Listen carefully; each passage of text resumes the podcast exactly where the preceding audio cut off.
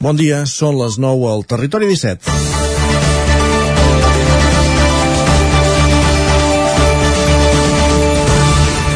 Ara sembla va de debò, ens ho explicava ahir en Víctor Palomar a la taula de redacció. Vic implantarà el sistema de recollida de deixalles porta a porta gradualment a partir del 2023, amb la intenció que el 2025 ja s'apliqui a tota la ciutat. Per a tots aquells que creiem en la separació per revaloritzar un percentatge important dels residus que generem, i de molt abans que aparegués l'ecoansietat, aquest és sens dubte una bona, aquesta és sens dubte una bona notícia que segurament arriba tard. Qui diu porta a porta diu sistema de contenidors intel·ligents com els que plantegen a Torelló i Centelles. L'objectiu és el mateix, millorar els percentatges de reciclatge. A Vic es pretén passar del 58% actual al 70%. Quan abans ho apliquem arreu, abans acabarem amb el turisme de deixalles.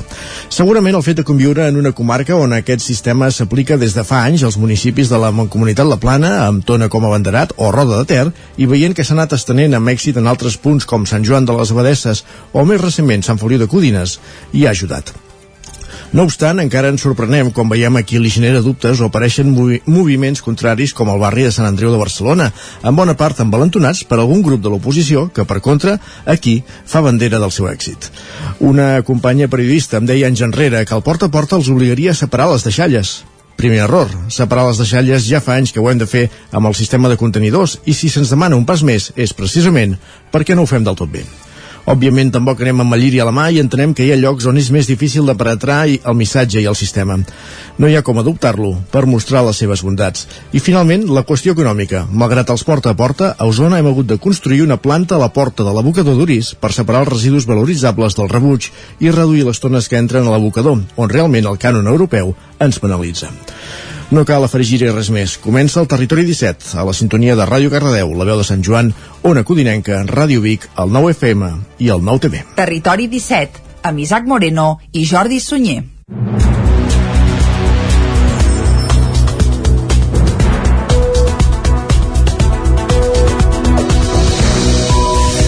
Passen dos minuts d'avui dimecres, dia 10 de novembre de 2021. Arrenc ara mateix un nou territori 17. Pas, passen dos minuts de què? De les 9 del matí. Ah, d'acord. És veritat, no hem dit de les 9 del matí. Uh, passen dos, dos minuts de les 9 del matí d'avui dimecres, dia 10 de novembre de 2021. Ja ho direm bé.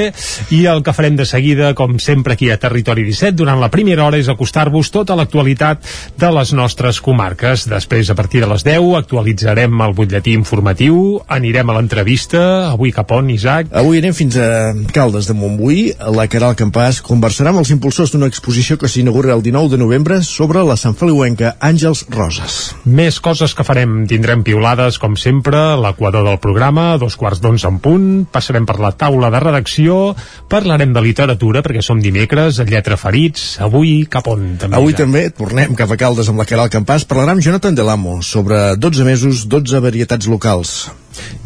I a més a més, a les 11 ens tornarem a posar al dia amb el butlletí informatiu, tindrem el territori sostenible amb en Jordi Givert, que avui, atenció, ens parlarà de l'Electra Caldense. Correcte, avui parlem d'energia. Mm Energia, correcte. Allò tan important de la factura que ens arriba a final de mes i que últimament va pujant i pujant i pujant i pujant i pujant. I sí, pujant, això sí que, que s'enfila sempre, no hi ha manera que baixi. Aviam si de cara a l'any que ve uh, canvia la tònica. I a la darrera hora, què farem? Doncs avui ho acabarem anant, com sempre, a la R3 i fent un repàs a l'agenda cultural per aquest proper cap de setmana. L'R3 que va amb retards aquest matí, eh?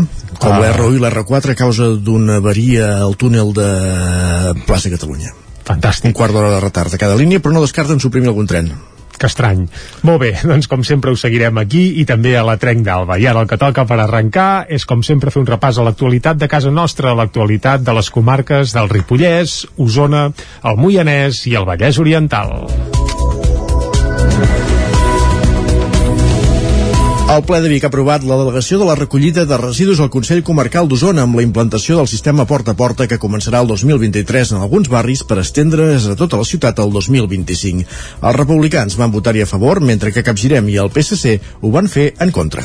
Amb els vots a favor de Junts per Catalunya i Esquerra Republicana i en contra de Capgirem Vic i el PSC, el ple de l'Ajuntament de Vic ha aprovat la delegació de competències al Consell Comarcal d'Osona per la recollida selectiva de residus, la neteja viària i la deixalleria.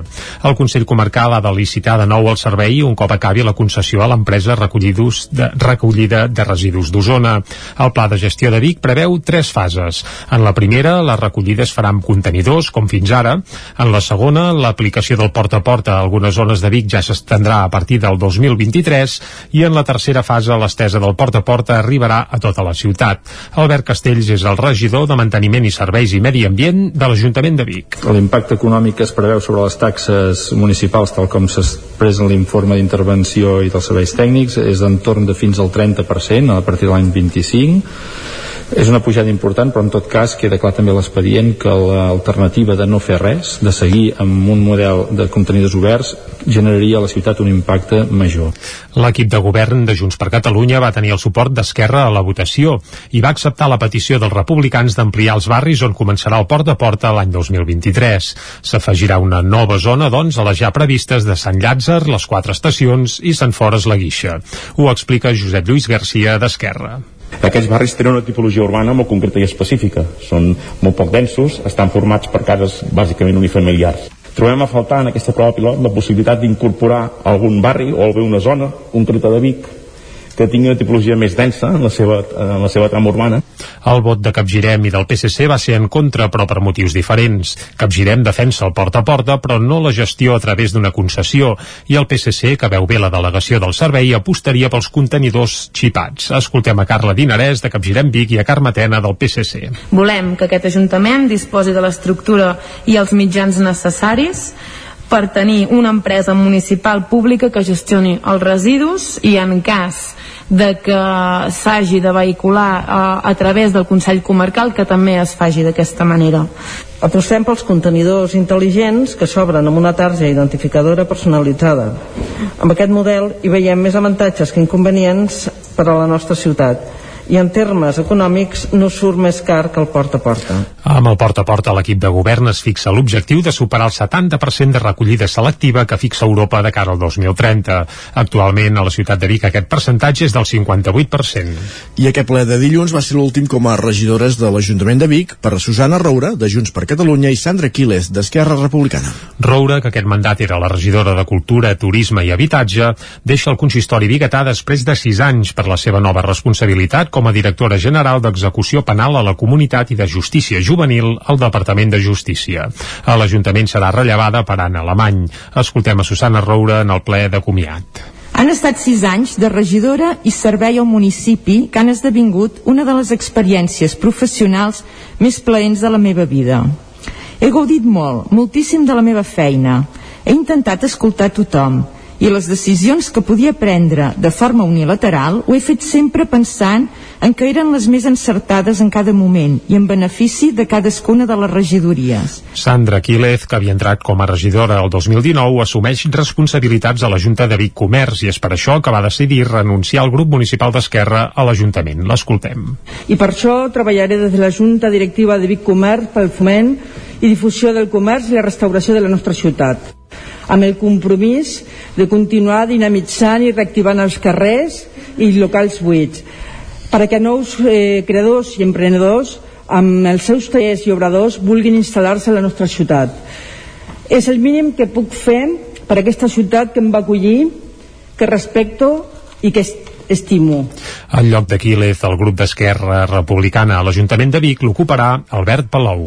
I del ple de Vic al de Ripoll, la pujada de l'IBI en gairebé un 3% és el punt més calent de l'aprovació de les ordenances de Ripoll. Anem a la veu de Sant Joan, Isaac Muntades. L'Ajuntament de Ripoll va aprovar les ordenances fiscals per l'any 2022 en el ple extraordinari d'aquest dilluns amb força marge gràcies al vot favorable de l'equip de govern de Junts per Ripoll i les abstencions del PSC i l'alternativa per Ripoll CUP. En canvi, Esquerra Republicana de Catalunya i la regidora no escrita Sílvia Oriols van votar-hi en contra. Això sí, tots els grups municipals van agrair la predisposició del regidor de Serveis Econòmics, Josep Maria Creixans, per asseure's a parlar-ne. Un dels fets més destacats és la pujada de l'IBI, que en 10 anys s'havia pujat només un 1% i ara s'eleva fins al 2,9%. Creixans ho explicava així. La nostra apreciació és per no hipotecar futurs pressupostos, perquè per un any podríem perfectament aguantar aquesta puja del 2,90 sense haver-la pujat, però jo crec que això per futurs legislatures doncs d'alguna manera doncs seria un problema perquè al cap d'uns 3 o 4 anys hauria d'haver una puja considerable i nosaltres no creiem. Ripoll recapta uns 3,4 milions només en IBI i es va decidir no pujar la resta d'impostos perquè no són fixes o les quantitats són més petites. Creixants també va recordar que la darrera revisió cadastral data de l'any 1984 i que això farà que s'incrementi l'IBI quan es renovi. Precisament Esquerra entenia la pujada del cost de la vida, però deia que no era coherent l'increment de l'IBI.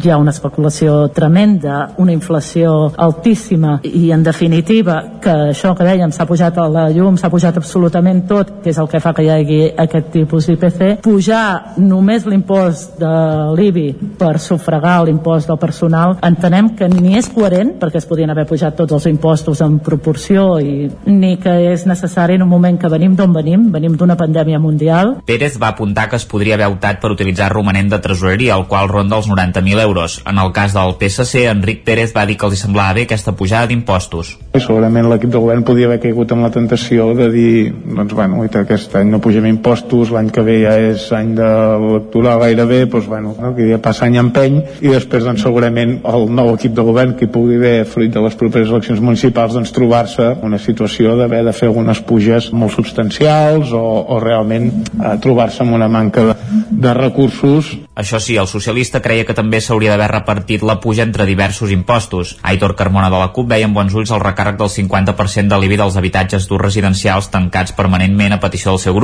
i va destacar alguna altra proposta. Pel que fa l'augment de la bonificació per les famílies nombroses i monoparentals doncs en funció de la renda i el valor cadastral, habitatges que no superin els, els 58.000 euros. A l'anomenat IBI juvenil, la proposta nostra de, de la bonificació del 95% dels locals buits que reobrin per iniciatives o entitats juvenils. Carmona encara va trobar-hi faltar un IBI cultural que bonifiqués el 95% als locals dirigits a la distribució i difusió de la cultura com llibreries o locals de música en viu públics. A Oriol sí que no li va agradar alguna proposta relacionada amb l'IBI. És evident que volen obligar els propietaris a llogar els seus habitatges buits, però no els ofereixen cap mena de garantia contra l'impagament ni contra les ocupacions. Pensem que no es poden imposar mesures coercitives d'aquest tipus sense oferir aixopluc i suport als propietaris en cas de que es produeixi algun tipus de conflicte. L'altre punt calent va ser la taxa d'escombraries. Esquerra i la CUP opten pel porta a porta i per premiar el que no genera. Creixants va recordar que les persones que reciclessin més només pagarien 99 euros de rebut i va afegir un segon tram de 135 euros pels que reciclaven de forma intermèdia. La tarifació social també ha arribat per quedar-se i s'amplia a 15 activitats dirigides del Servei d'Esports per l'entrada al Teatre Municipal i per activitats de dansa i música. Les bonificacions i subvencions per energies renovables com la instal·lació de plaques fotovoltaiques, la pujada de la taxa al cementiri per millorar la instal·lació, les bonificacions per contractar treballadors a l'impost d'activitats econòmiques o les compensacions pels dies que la piscina ha estat tancada també van ser objecte de debat. Gràcies, Isaac. Unes jornades monogràfiques aprofundiran en els processos de caça de bruixes que va haver-hi a Catalunya i a Caldes de Montbui durant el segle XVII. Anem a una codinenca, Caral Campàs. Junta Bruixes de Caldes de Montbui és el títol d'aquestes jornades que tindran lloc aquest divendres, dissabte i diumenge a diversos espais i que estan dedicades a conèixer la realitat dels processos contra la bruixeria que va patir al municipi al segle XVII. Ponències, espectacles, passejades, teatralitzades i d'altres activitats permetran als participants aprofundir en un tema que en els darrers anys ha agafat protagonisme a través de projectes com l'exposició que va fer el Termàlia el 2019, les rutes guiades Camins de Bruixes, que es fan al al voltant de l'Escaldàrium, el bateig també del passatge de les Bruixes a tocar de la plaça de la Font del Lleó o l'estrena de l'Escape Tour Lo negoci de les Bruixes que permet descobrir uh, aquells fets a través d'un joc de pistes. La directora del Museu Termalià, Anna Montleón, explica d'on va sorgir la idea d'aquestes jornades. Des del Museu de Caldes de Montbui i juntament amb Cultur teníem ganes des del moment en què vam realitzar l'exposició de les bruixes a Caldes de Montbui de poder continuar amb la recerca de tot el que va ser i el que va suposar per Caldes eh, els, aquests processos de bruixeria. Com s'hi va arribar i com bueno, realment el que van significar ho sabem perquè significa l'execució de 12 dones més l'alliberament d'una tretzena però tenien ganes de saber una mica en quin moment s'inicien. L'últim dels actes serà diumenge a dos quarts de dotze del migdia. Es farà la passejada al Bosc de les Bruixes amb Clàudia Casanova i Coltur Turisme Cultural. Serà una sortida pels voltants de Caldes per conèixer diverses plantes remeieres, la seva relació amb els casos de bruixeria i també les creences i supersticions que va generar la cacera de bruixes a casa nostra. Gràcies, Caral. Pere Casacoberta, l'atleta usonenc que l'any 1984 va guanyar el Campionat del Món de Cross Júnior, va rebre divendres l'homenatge del seu poble, GURB, i també del món de l'esport. L'acte va incloure una taula rodona i la inauguració d'una exposició amb trofeus, fotografies i documents de la trajectòria esportiva de Casa Coberta. José Manuel Abascal, el primer atleta espanyol que va guanyar una medalla olímpica en una prova de pista. L'atleta paralímpica Helena Congost, Malció Mauri, el millor ciclista català dels anys 90 i Roser Puigbó, atleta en cadira de rodes, van acompanyar Pere Casa Coberta en l'homenatge que se li va fer divendres al seu municipi, a Gurb. Van seure junts en una taula rodona moderada pel periodista Ramon Besa, en què van compartir opinions, intervencions i experiències en el món de l'atletisme. La gesta de Pere Casa Coberta, campió del món de cross júnior l'any 1984, continua sent única. Cap més atleta europeu ho ha aconseguit. Ho explica el periodista Ramon Besa.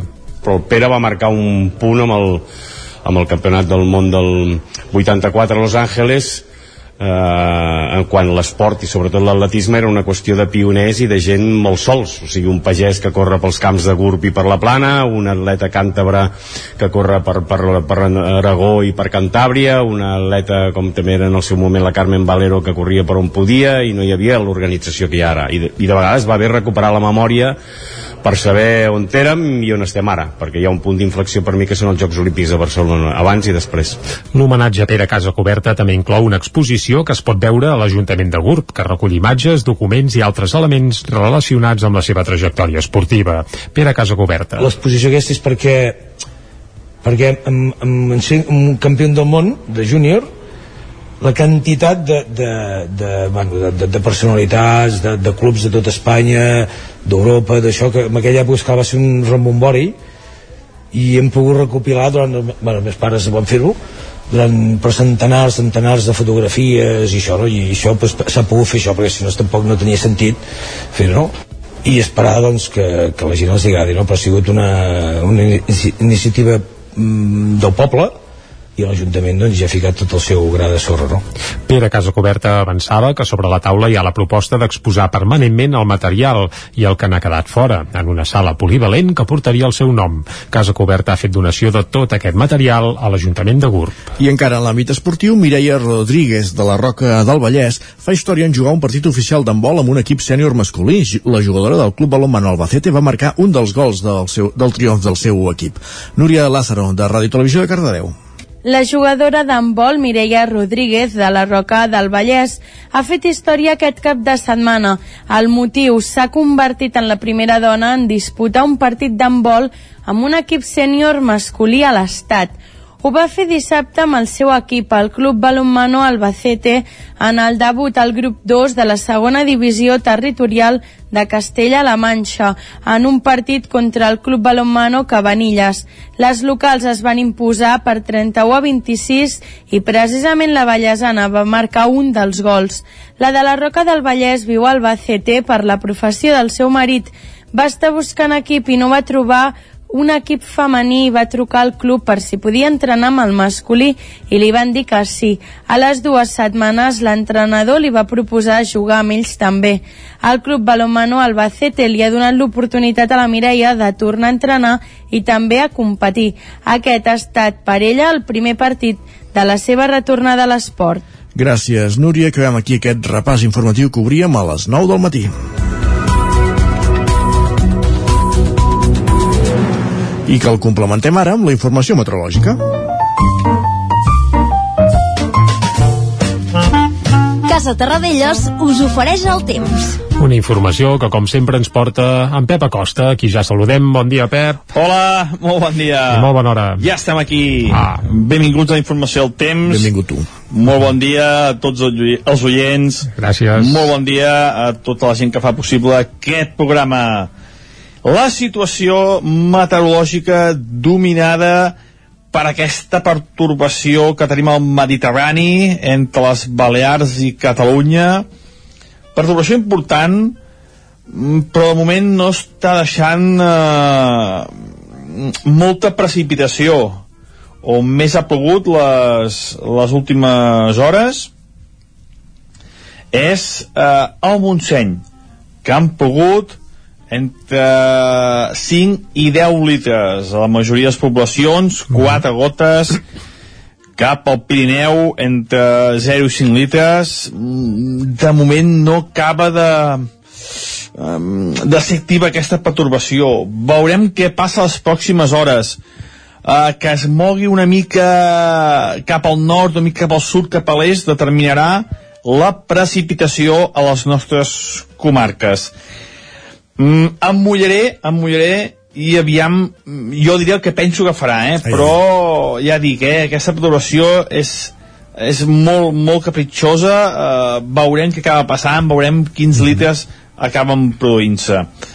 El que sé segur és que les temperatures mínimes han pujat perquè, eh, perquè és una perturbació marítima vents de mar, que el mar encara està una mica calent, no són vents freds, i això fa que la temperatura mínima pugi, ha pujat eh, que hi ha totes les poblacions de les nostres comarques, més cap a l'oest no, no ha pujat tant la temperatura mínima, perquè encara no han arribat aquests vents marítims, però les comarques. Sí, hi han arribat, ha glaçat molt poc avui, només a les zones més altes del Pirineu, molt, molt, molt amunt, i en canvi a les poblacions les mínimes han estat entre els 5 i els 10 graus la majoria de mínimes. El, durant el dia les temperatures eh, baixaran. Eh, la majoria màxima entre 10, entre 10 i 15 graus. Per què? Doncs perquè hi haurà molta més nuvolositat, ens aportarà molts núvols aquesta pertorbació i precipitacions. Ara aquí és on, on potser fallaré, però ja veurem, veurem què acaba passant. Uh, on plourà més és cap a Ripollès i cap a Osona. Es preveuen puges de més de 10, 15, 20 litres. Uh, una puja important, uh -huh. una puja continuada, una puja molt beneficiosa. Vallès Oriental i Moianès jo crec que és on menys plourà, entre 5 i 10 litres. Però ja et dic, eh, depèn de com varia aquesta pertorbació, que és molt capritxosa, plourà més a un lloc a un altre. La cota neu molt amunt, 1.900-2.000 metres. Només la zona d'Ull de Tell, zones pròximes, és on nevarà, la nevada pot superar els 20-30 centímetres de les cotes més altes. També una nevada generosa, la primera nevada generosa de la temporada. Però ja dic, eh, veurem, veurem què acaba passant. De cara a demà la perturbació ja començarà a marxar, mmm, però veurem, veurem, també els mapes van ballant, veurem què, què acaba passant. I el vent, el vent ahir ja destacable, també el Montseny, la zona on més vent va fer, cops de 70-80 km per hora, però en moltes poblacions vam arribar als 30, 40, 50 avui aquest vent continuarà Uh, és en zones molt habitades i en zones poc habituals. Precaució amb aquest vent que durant tot el dia d'avui bufarà aquestes quantitats eh, de 40-50 km per hora. Precaució amb el vent. I això és tot, aviam què passa amb aquesta perturbació, tinc ganes de que plogui molt tinc ganes de que sigui una bona nevada uh -huh. Carai, tu. però veurem què acaba passant. Veurem què acaba passant, uh, és una perturbació important i veurem cap on es mou finalment Adeu, bon dia. Bon dia, ja em sent de venir mesquís demà. aviam, aviam. Ell s'ha mullat, ja, i també perquè segons mullarem els que estem al Ripollès i a Osona, eh? Uh, estarem al cas i el paraigües als dits per si de cas correcte i ara mullats o eixuts anem cap al quiosc va. Casa Tarradellas us ha ofert aquest espai i el quiosc el que hi coneixerem seran les portades dels diaris d'avui i com sempre, el que farem és començar pel punt avui, que titula Despesa rècord. El govern presenta el pressupost més alt de la història, de 38.139 milions d'euros, que aviat és dit. Això és el titular principal del punt avui. La fotografia... fotografia... Torna quants milions has dit? 38.139. 38.000. Però no 38.000 euros, sinó 38.000 milions. Són molts Uh, milions. són molts milions, sí, i a més són bastants més que els que hi havia l'any passat, per tant és, eh, es tracta d'una despesa rècord, eh? Uh, ja veurem si els hi aproven o no, que això seria un altre, un altre tema. La fotografia és per Xavi i titulen el punt avui Xavi ja mana al vestidor. Ahir va fer el primer entrenament. I també apareix la condemna pel 9-N, també acaba a Europa. Recordem que ahir era 9 de novembre i bé, el 2014 es va fer una consulta aquell 9 de novembre i encara ara doncs hi ha represàlies però bé, d'això en parlarem al, a l'hora de la cançó avui, ja veuràs Molt bé. anem a l'ara, va uh, Jaume Giró, el conseller d'Economia ha copiat Puigdemont i ahir va dir o pressupostos o pressupostos amb aquell o referèndum o referèndum doncs això va deixar anar ahir a Jaume Giró i això és el que, el que titula el diari ara a l'hora de parlar dels pressupostos Es referia a la CUP, entenc, oi? Sí, en teoria suposem, suposem que sí i a la fotografia es veu el mateix conseller amb els pressupostos als dits, ben content i convençut que li aprovaran. Al periòdico, una portada curiosa i és que han fet una espècie de mapa de tot el corredor del Mediterrani eh, posant els llocs on la cosa avança bé i els llocs on no, evidentment guanyen els que no, i titulen el corredor del Mediterrani un embús de 125 anys, un embús que ells fan anar de dalt a baix de tota la portada. Eh? I també Catalunya confia en els fons europeus per créixer el 2022. És a dir, que si els pressupostos són rècord és perquè es confia que amb els cèntims que arribin d'Europa doncs es pugui finançar tota la despesa que hi ha prevista. Veurem. Ah, veurem, exacte. Anem a l'avantguàrdia, que també titulen per aquí. El govern presenta uns comptes expansius pels fons europeus. Ja ho diuen ras i curt, eh? que tot plegat és gràcies a aquests fons europeus. I la fotografia de portada és per eh, la tensió que hi ha a la frontera entre Bielorússia i Polònia, on bé hi ha una nova crisi migratòria de les moltes a les quals ja ens té acostumats a la Unió Europea, que com sempre també de moment s'ho va mirant. Anem a Madrid, S'ho va mirant perquè Polònia tampoc està... En fi, no estan massa bé les relacions amb Polònia ara mateix, bàsicament. Bé, uh, els sí. països de l'est ja no és pas Polònia sol, que va una mica per lliure, podríem citar Hongria, en podríem citar algun Correcte. altre, però vaja, uh, ja veurem com acaba tot plegat. Tant de bo no hàgim de lamentar danys personals, que això és el, el més important. Anem cap al país. 30 països i 6 fabricants fixen pel 2035 el final del cotxe de combustió. És a dir que, bé, segons 6 fabricants i 30 països, a partir del 2035 no hi hauria d'haver uh, cotxes que anessin amb gasolina pel carrer. I l'OTAN uh, recolza Polònia i adverteix a Bielorússia. Això titulen el, el país. Ràpidament. Ràpidament, a l'APC, Ayuso Almeida, bones paraules, però lluny de firmar la pau. I a la foto es veuen juntets, però amb cara de pocs amics i a més amb mascareta. A la Razón també titulen per aquí, eh? Gènova mostra un PP sense conflictes per aïllar a Ayuso. A la Carai, Razón sembla més conflictes. partir... Bé, cadascú que interpreti el que vulgui, però la Razón que potser els agrada més Almeida que, que Ayuso i el Mundo eh, la situació és complicada i també una foto amb Almeida i Ayuso, és a dir que allà estan molt capficats amb això, eh? Això sí, també el Mundo un altre titular, que és el govern planeja que les comunitats autònomes pugnin per les seus de l'Estat, és a dir, que hi puguin haver seus d'organismes estatals que no siguin a Madrid. I aquest titular sortirà demà perquè avui l'ha publicat El Espanyol, que és un digital, diu el partit Espanya Buida aconseguiria 15 escons i decidiria la Moncloa amb l'1,1% dels vots. Possiblement sortirà demà a les portades de Madrid, també. Aviam, ara una pausa, Una va. pausa i tornem en 3 minuts. El nou FM, la ràdio de casa, al 92.8. Amb Pradell estalvio energia i cuido la meva butxaca i el medi ambient. Posa't en mans a Pradell, són experts en calderes de gas i condensació, estufes de pèl·let, energia solar, terres radiants i geotèrmia. Pradell instal·la calderes de biomassa per a particulars i per a empreses. Si vols estalviar un 50% en consum, contacta amb Pradell i passa't a les energies renovables. Pradell som a l'Avinguda Països Catalans 27 de Vic. Telèfon 93 885 1197. Pradell.cat. Això és el que s'escolta al voltant d'una caldera saunia d'Oval. Tranquilitat i benestar, perquè gaudeix del millor manteniment del servei tècnic oficial per estar despreocupat.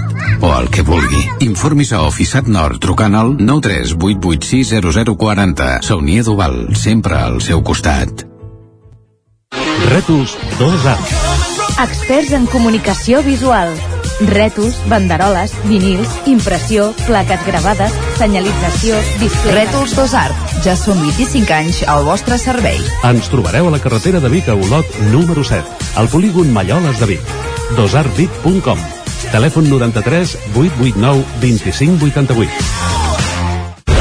El racó de León. Gaudeix de la nostra terrassa. Vine a tastar les xuletilles de lechal a la brasa amb una bona amanida o el xuletón de vedella gallega.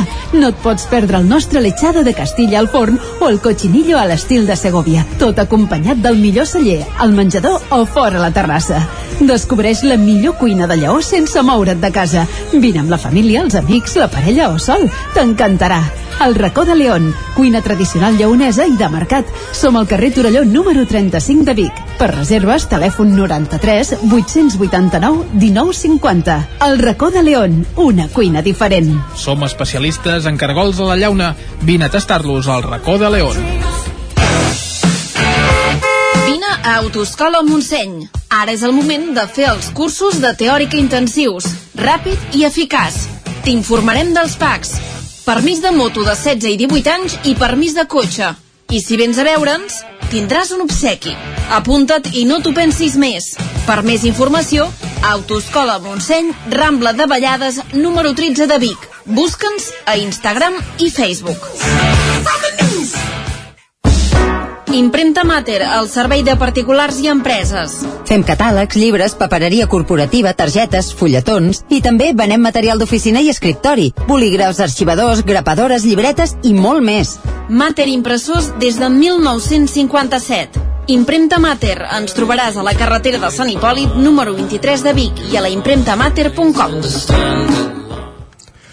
En punt són dos quarts de deu i som al Territori 17. Territori 17, amb Isaac Moreno i Jordi Sunyer.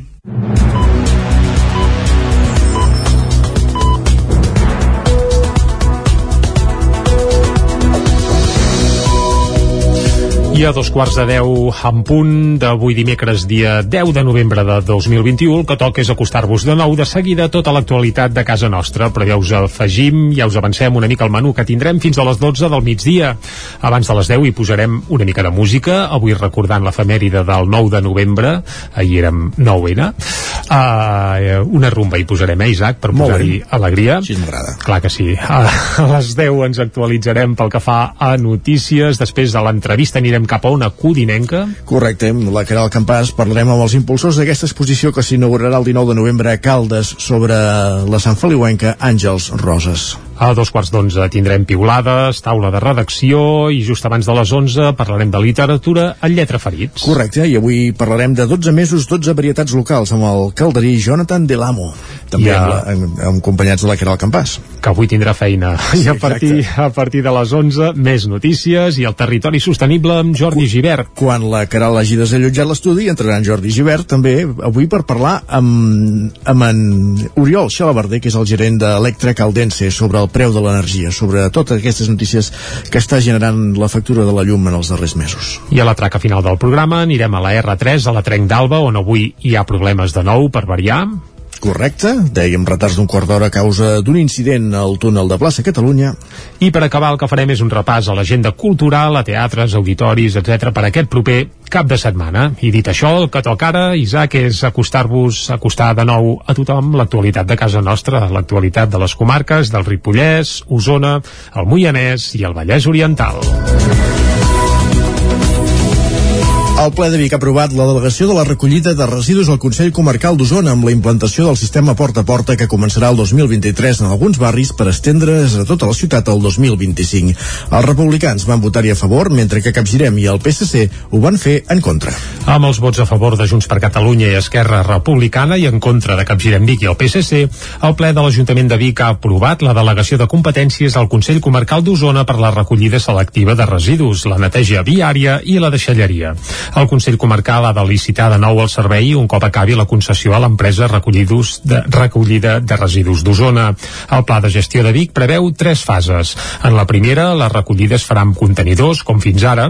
En la segona, l'aplicació del porta a porta a algunes zones de Vic ja s'estendrà a partir del 2023 i en la tercera fase l'estesa del porta a porta arribarà a tota la ciutat.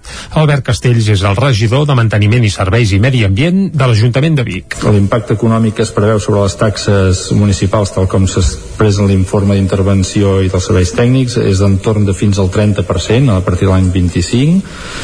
És una pujada important, però en tot cas queda clar també l'expedient que l'alternativa de no fer res, de seguir amb un model de contenidors oberts, generaria a la ciutat un impacte major. L'equip de govern de Junts per Catalunya va tenir el suport d'Esquerra a la votació i va acceptar la petició dels republicans d'ampliar els barris on començarà el porta a porta l'any 2023. S'afegirà una nova zona, doncs, a les ja previstes de Sant Llàtzer, les quatre estacions i Sant Fores la Guixa. Ho explica Josep Lluís Garcia d'Esquerra.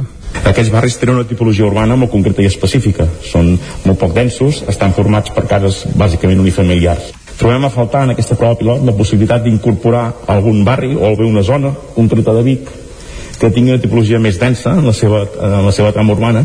El vot de Capgirem i del PSC va ser en contra, però per motius diferents. Capgirem defensa el porta a porta, però no la gestió a través d'una concessió, i el PSC, que veu bé la delegació del servei, apostaria pels contenidors xipats. Escoltem a Carla Dinarès, de Capgirem Vic, i a Carme Tena, del PSC. Volem que aquest Ajuntament disposi de l'estructura i els mitjans necessaris per tenir una empresa municipal pública que gestioni els residus i en cas de que s'hagi de vehicular a, a través del Consell Comarcal que també es faci d'aquesta manera. Apostem pels contenidors intel·ligents que s'obren amb una tarja identificadora personalitzada. Amb aquest model hi veiem més avantatges que inconvenients per a la nostra ciutat i en termes econòmics no surt més car que el porta a porta. Amb el porta a porta l'equip de govern es fixa l'objectiu de superar el 70% de recollida selectiva que fixa Europa de cara al 2030. Actualment a la ciutat de Vic aquest percentatge és del 58%. I aquest ple de dilluns va ser l'últim com a regidores de l'Ajuntament de Vic per a Susana Roura, de Junts per Catalunya, i Sandra Quiles, d'Esquerra Republicana. Roura, que aquest mandat era la regidora de Cultura, Turisme i Habitatge, deixa el consistori biguetà després de 6 anys per la seva nova responsabilitat com a directora general d'Execució Penal a la Comunitat i de Justícia Juvenil al Departament de Justícia. A l'Ajuntament serà rellevada per Anna Alemany. Escoltem a Susana Roura en el ple de comiat. Han estat sis anys de regidora i servei al municipi que han esdevingut una de les experiències professionals més plaents de la meva vida. He gaudit molt, moltíssim de la meva feina. He intentat escoltar tothom i les decisions que podia prendre de forma unilateral ho he fet sempre pensant en que eren les més encertades en cada moment i en benefici de cadascuna de les regidories. Sandra Quílez, que havia entrat com a regidora el 2019, assumeix responsabilitats a la Junta de Vic Comerç i és per això que va decidir renunciar al grup municipal d'Esquerra a l'Ajuntament. L'escoltem. I per això treballaré des de la Junta Directiva de Vic Comerç pel foment i difusió del comerç i la restauració de la nostra ciutat amb el compromís de continuar dinamitzant i reactivant els carrers i locals buits perquè nous eh, creadors i emprenedors amb els seus tallers i obradors vulguin instal·lar-se a la nostra ciutat. És el mínim que puc fer per aquesta ciutat que em va acollir, que respecto i que estimo. En lloc de Quílez, el grup d'Esquerra Republicana a l'Ajuntament de Vic l'ocuparà Albert Palou.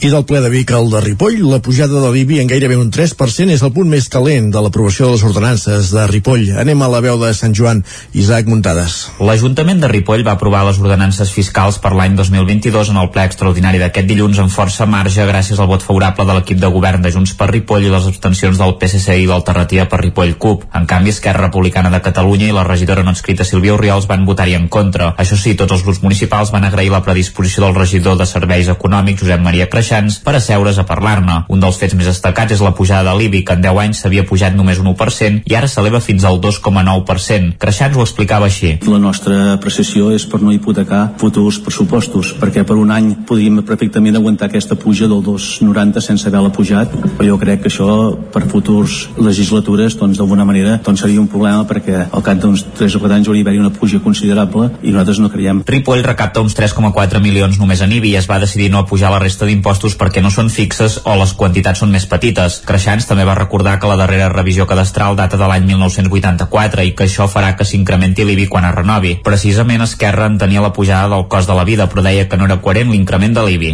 Hi ha una especulació tremenda, una inflació altíssima i en definitiva que això que dèiem s'ha pujat a la llum, s'ha pujat absolutament tot, que és el que fa que hi hagi aquest tipus d'IPC, pujar només l'impost de l'IBI per sufragar l'impost del personal, entenem que ni és coherent, perquè es podien haver pujat tots els impostos en proporció, i ni que és necessari en un moment que venim d'on venim, venim d'una pandèmia mundial. Pérez va apuntar que es podria haver optat per utilitzar romanent de tresoreria, el qual ronda els 90.000 euros. En el cas del PSC, Enric Pérez va dir que els semblava bé aquesta pujada d'impostos. Segurament l'equip de govern podia haver caigut amb la tentació de dir, doncs bueno, aquest any no pugem impostos, l'any que ve ja és any de lectura gairebé, doncs bueno, no, que ja passa any empeny, i després doncs segurament el nou equip de govern que pugui haver, fruit de les properes eleccions municipals, doncs trobar-se una situació d'haver de fer algunes puges molt substancials o, o realment eh, trobar-se amb una manca de, de recursos. Això sí, el socialista creia que també s'hauria d'haver repartit la puja entre diversos impostos. Aitor Carmona de la CUP veia amb bons ulls el recàrrec del 50% de l'IBI dels habitatges d'ús residencials tancats permanentment a petició del seu grup i va destacar alguna altra proposta.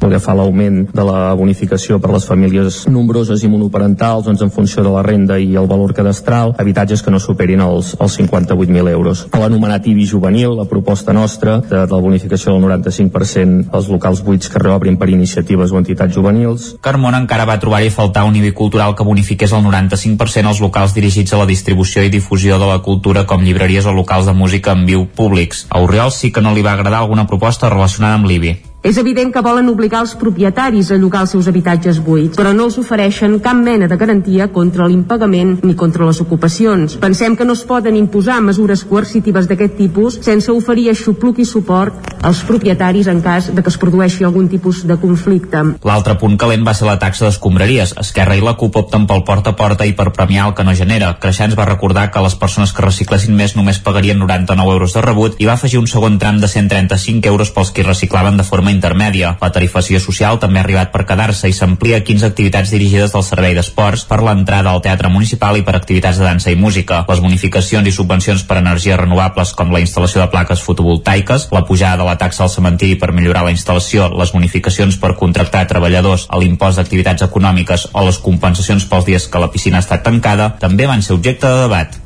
Gràcies, Isaac. Unes jornades monogràfiques aprofundiran en els processos de caça de bruixes que va haver-hi a Catalunya i a Caldes de Montbui durant el segle XVII. Anem a una codinenca, Caral Campàs. Junta Bruixes de Caldes de Montbui és el títol d'aquestes jornades que tindran lloc aquest divendres, dissabte i diumenge a diversos espais i que estan dedicades a conèixer la realitat dels processos contra la bruixeria que va patir al municipi al segle XVII. Ponències, espectacles, passejades, teatralitzades i d'altres activitats permetran als participants aprofundir en un tema que en els darrers anys ha agafat protagonisme a través de projectes com l'exposició que va fer al Termalià el 2019, les rutes guiades Camins de Bruixes, que es fan voltant de l'Escaldàrium, el bateig també del passatge de les Bruixes a tocar de la plaça de la Font del Lleó o l'estrena de l'Escape Tour Lo negoci de les Bruixes que permet descobrir eh, aquells fets a través d'un joc de pistes. La directora del Museu Termalià, Anna Montleón, ha explicat d'on va sorgir la idea d'aquestes jornades. Des del Museu de Caldes de Montbui i juntament amb Cultur teníem ganes des del moment en què vam realitzar l'exposició de les bruixes de Caldes de Montbui de poder continuar amb la recerca de tot el que va ser i el que va suposar per Caldes eh, els, aquests processos de bruixeria com s'hi va arribar i com bueno, realment el que van significar ho sabem perquè significa l'execució de 12 dones més l'alliberament d'una tretzena però tenien ganes de saber una mica en quin moment s'inicien. L'últim dels actes serà diumenge a dos quarts de dotze del migdia. Es farà la passejada al Bosc de les Bruixes amb Clàudia Casanova i Coltur Turisme Cultural. Serà una sortida pels voltants de Caldes per conèixer diverses plantes remeieres la seva relació amb els casos de bruixeria i també les creences i supersticions que va generar la cacera de bruixes a casa nostra. Gràcies, Caral. Pere Casacoberta, l'atleta usonenc que l'any 1984 va guanyar el Campionat del Món de Cross Júnior, va rebre divendres l'homenatge del seu poble, GURB, i també del món de l'esport. L'acte va incloure una taula rodona i la inauguració d'una exposició amb trofeus, fotografies i documents de la trajectòria esportiva de Casa Coberta.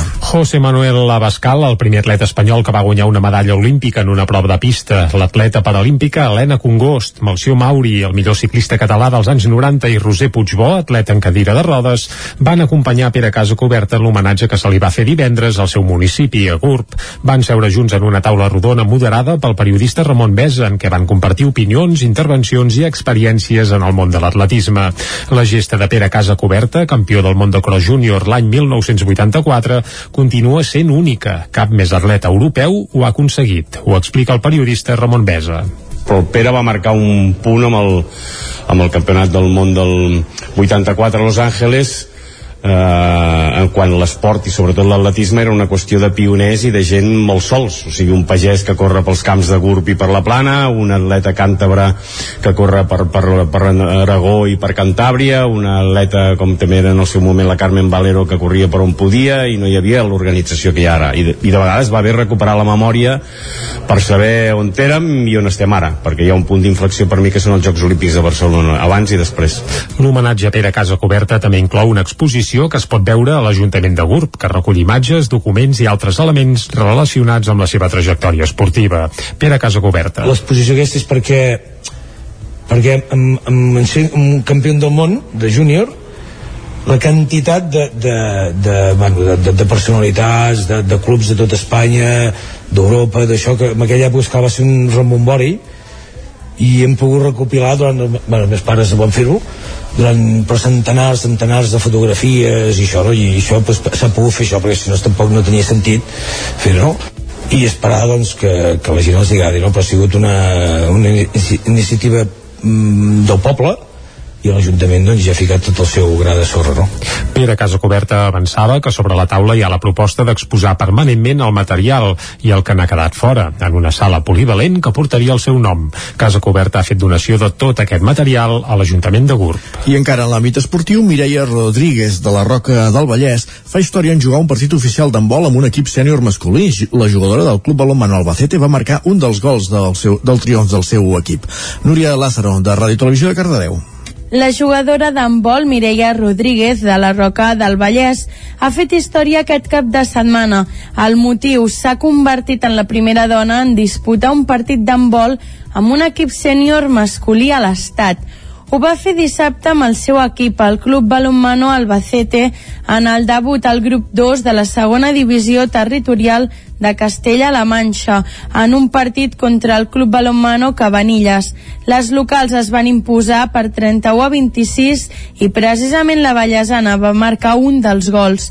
La de la Roca del Vallès viu al Albacete per la professió del seu marit.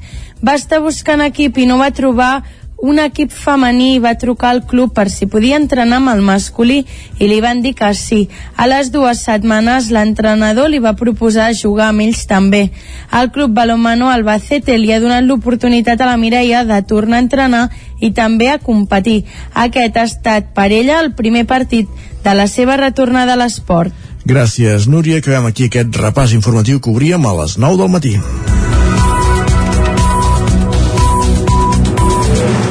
I que el complementem ara amb la informació meteorològica. Casa Terradellos us ofereix el temps. Una informació que, com sempre, ens porta en Pep Acosta, qui ja saludem. Bon dia, Pep. Hola, molt bon dia. I molt bona hora. Ja estem aquí. Ah. Benvinguts a la informació del temps. Benvingut tu.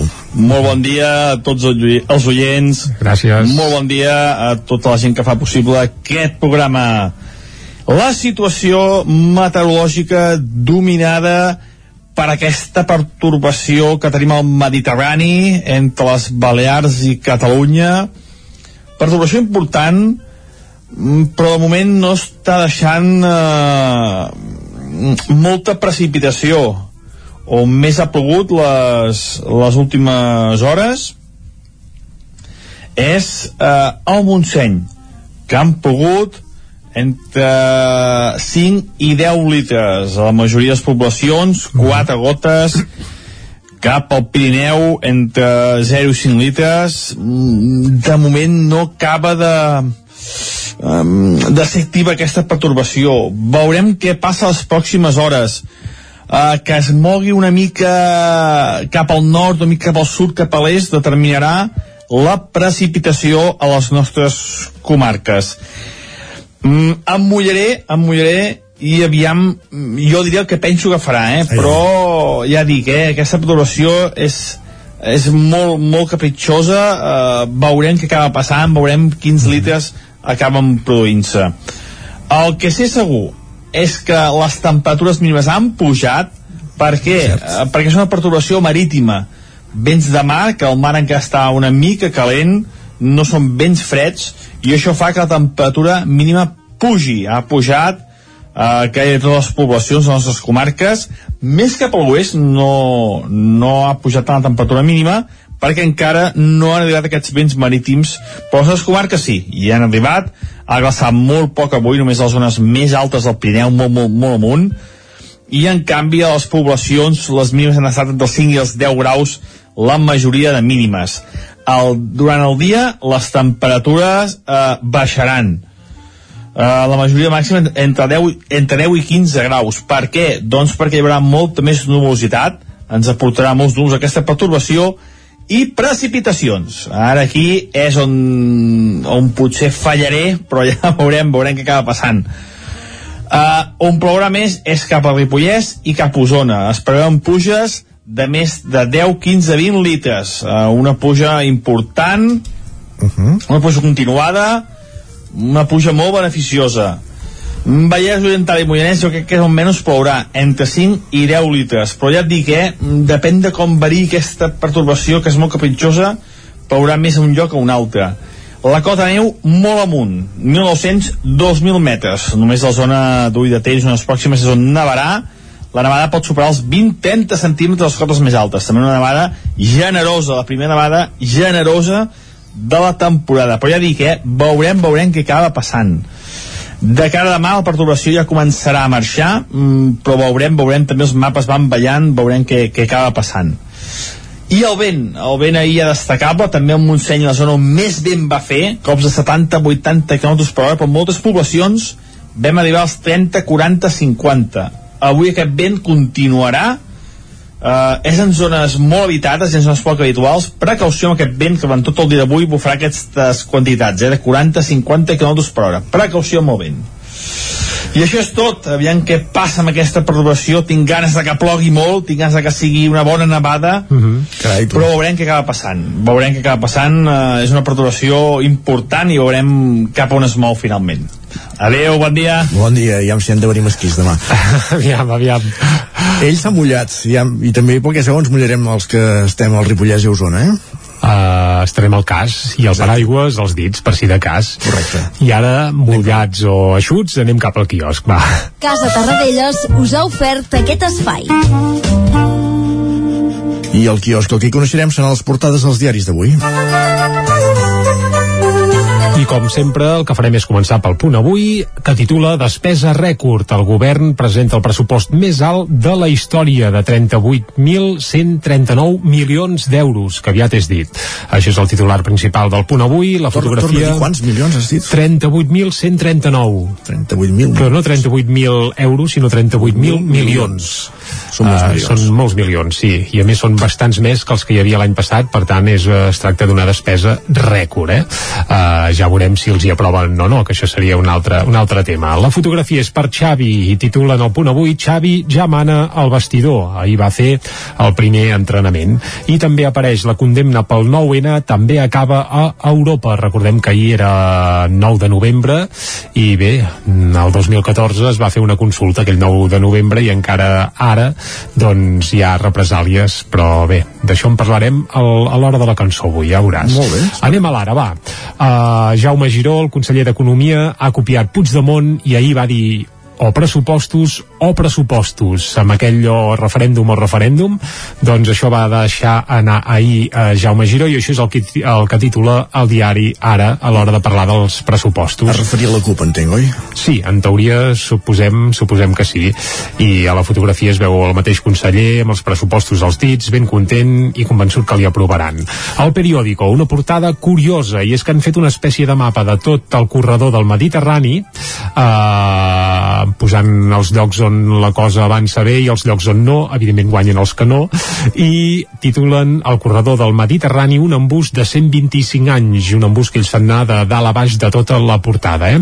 I també Catalunya confia en els fons europeus per créixer el 2022. És a dir, que si els pressupostos són rècord és perquè es confia que amb els cèntims que arribin d'Europa doncs es pugui finançar tota la despesa que hi ha prevista. Veurem. Ah, veurem, exacte. Anem a l'avantguàrdia, que també titulen per aquí. El govern presenta uns comptes expansius pels fons europeus.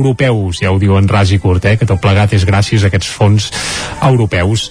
I la fotografia de portada és per eh, la tensió que hi ha a la frontera entre Bielorússia i Polònia, on bé hi ha una nova crisi migratòria de les moltes a les quals ja ens té acostumats a la Unió Europea, que com sempre també de moment s'ho va mirant. Anem a Madrid, S'ho va mirant perquè Polònia tampoc està... En fi, no, estan massa bé les relacions amb Polònia ara mateix, bàsicament. Bé, uh, els països de l'est ja no és pas Polònia sol, que va una mica per lliure, podríem citar Hongria, en podríem citar Correcte. algun altre, però vaja, uh, ja veurem com acaba tot plegat. Tant de bo no hàgim de lamentar danys personals, que això és el, el més important. Anem cap al país. 30 països i 6 fabricants fixen pel 2035 el final del cotxe de combustió és a dir que, bé, segons sis fabricants i 30 països, a partir del 2035 no hi hauria d'haver uh, cotxes que anessin amb gasolina pel carrer.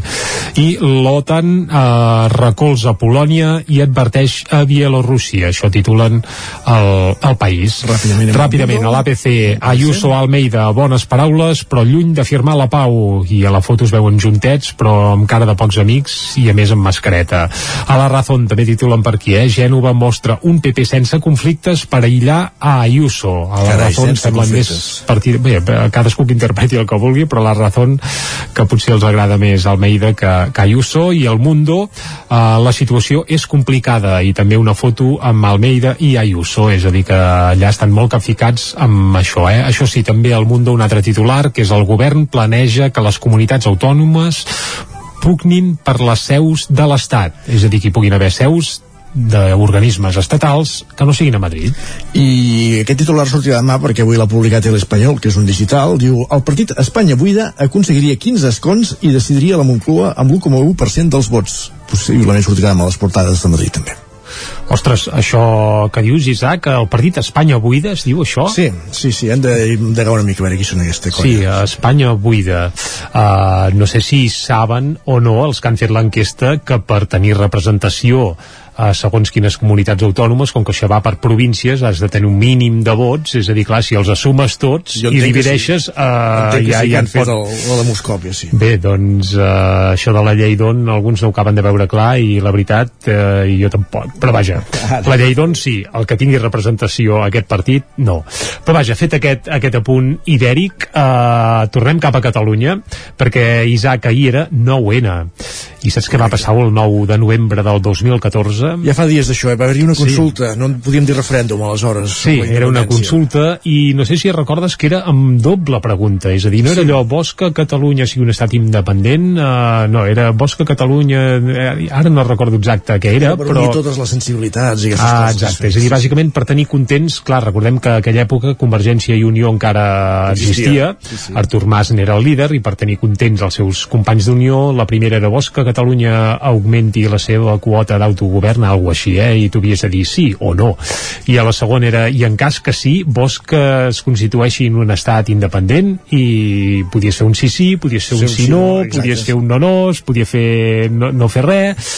Uh, I bé, i avui el que farem és escoltar una cançó que va fer certa fortuna aquella època, que era d'una gent que a mi m'agraden molt, perquè són molt divertits i molt desenfadats, que són Papet i Marieta. Uh -huh. Et sonen, Isaac? Sí, Sí, són de, la, de, de les Terres de l'Ebre. Sí, Sí, sí, sí, sí, són un far de riure i ells el que van fer és fer una rumbeta i evidentment no cal ni dir que ells apostaven pel sí sí i si algun té dubtes doncs que pari bé l'orella i ho esbrinarà de seguida El, cal títol, dir que... el títol ja és prou eloquent. Va, el títol quin és? La rumba del... Sí. Exacte, la rumba del sí, però veus, ells només deien un sí al títol, eh? A la cançó n'apareixen apareixen uns quants més. Cal dir que van sortir bastantes cançons vinculades al 9-N, no van ser només els Papet i Marieta, que van fer alguna peça eh, per contribuir a fer bullir l'olla, i això encara es va accentuar molt més a l'1 d'octubre del 2017 allà sí que gairebé hi ha una discografia que es podria fer només amb cançons d'aquell dia uh Mhm. -huh. tant per esmolar les eines és a dir, tan prèvies per convidar la gent a anar a votar com posteriors que tenint en compte tot plegat doncs en van sortir unes quantes La que va sortir va ser l'Odès, en aquest cas, no? Per exemple, ens en sortirem que per cert era prèvia a tot plegat eh? Correcte. però avui ens assenyirem al 9-N amb aquest papet i Marieta i amb la rumba del sí per recordar això que ahir va fer concretament 7 anys ja d'aquella consulta impulsada per l'aleshores govern de, que presidia Artur Mas escoltem la rumba del sí, va I hay que ser que sé que ja podem dir si volem festar de la terra que ens va parir. I hay que ser que sé que ja podem dir si volem festar de la terra que ens va parir. Que no hi haurà qui ens aturi sense ben posar d'acord. No podran res contra un poble decidit, valent i fort. Ells ja poden cantar missa, que farem el que voldrem. Si anem tots juntets i a una, serem lliures com lo vent. I hay que sí que sí, que ja podem dir, si volem festar de la terra que ens va parir. I hay que sí que sí, que ja podem dir, si volem festar de la terra que ens va parir. I hay que ser que sí, que ja poden dir, si volem festar de la terra que ens va parir. I hay que ser que sí, que ja poden dir, si volem festar de la terra que ens va parir. Tots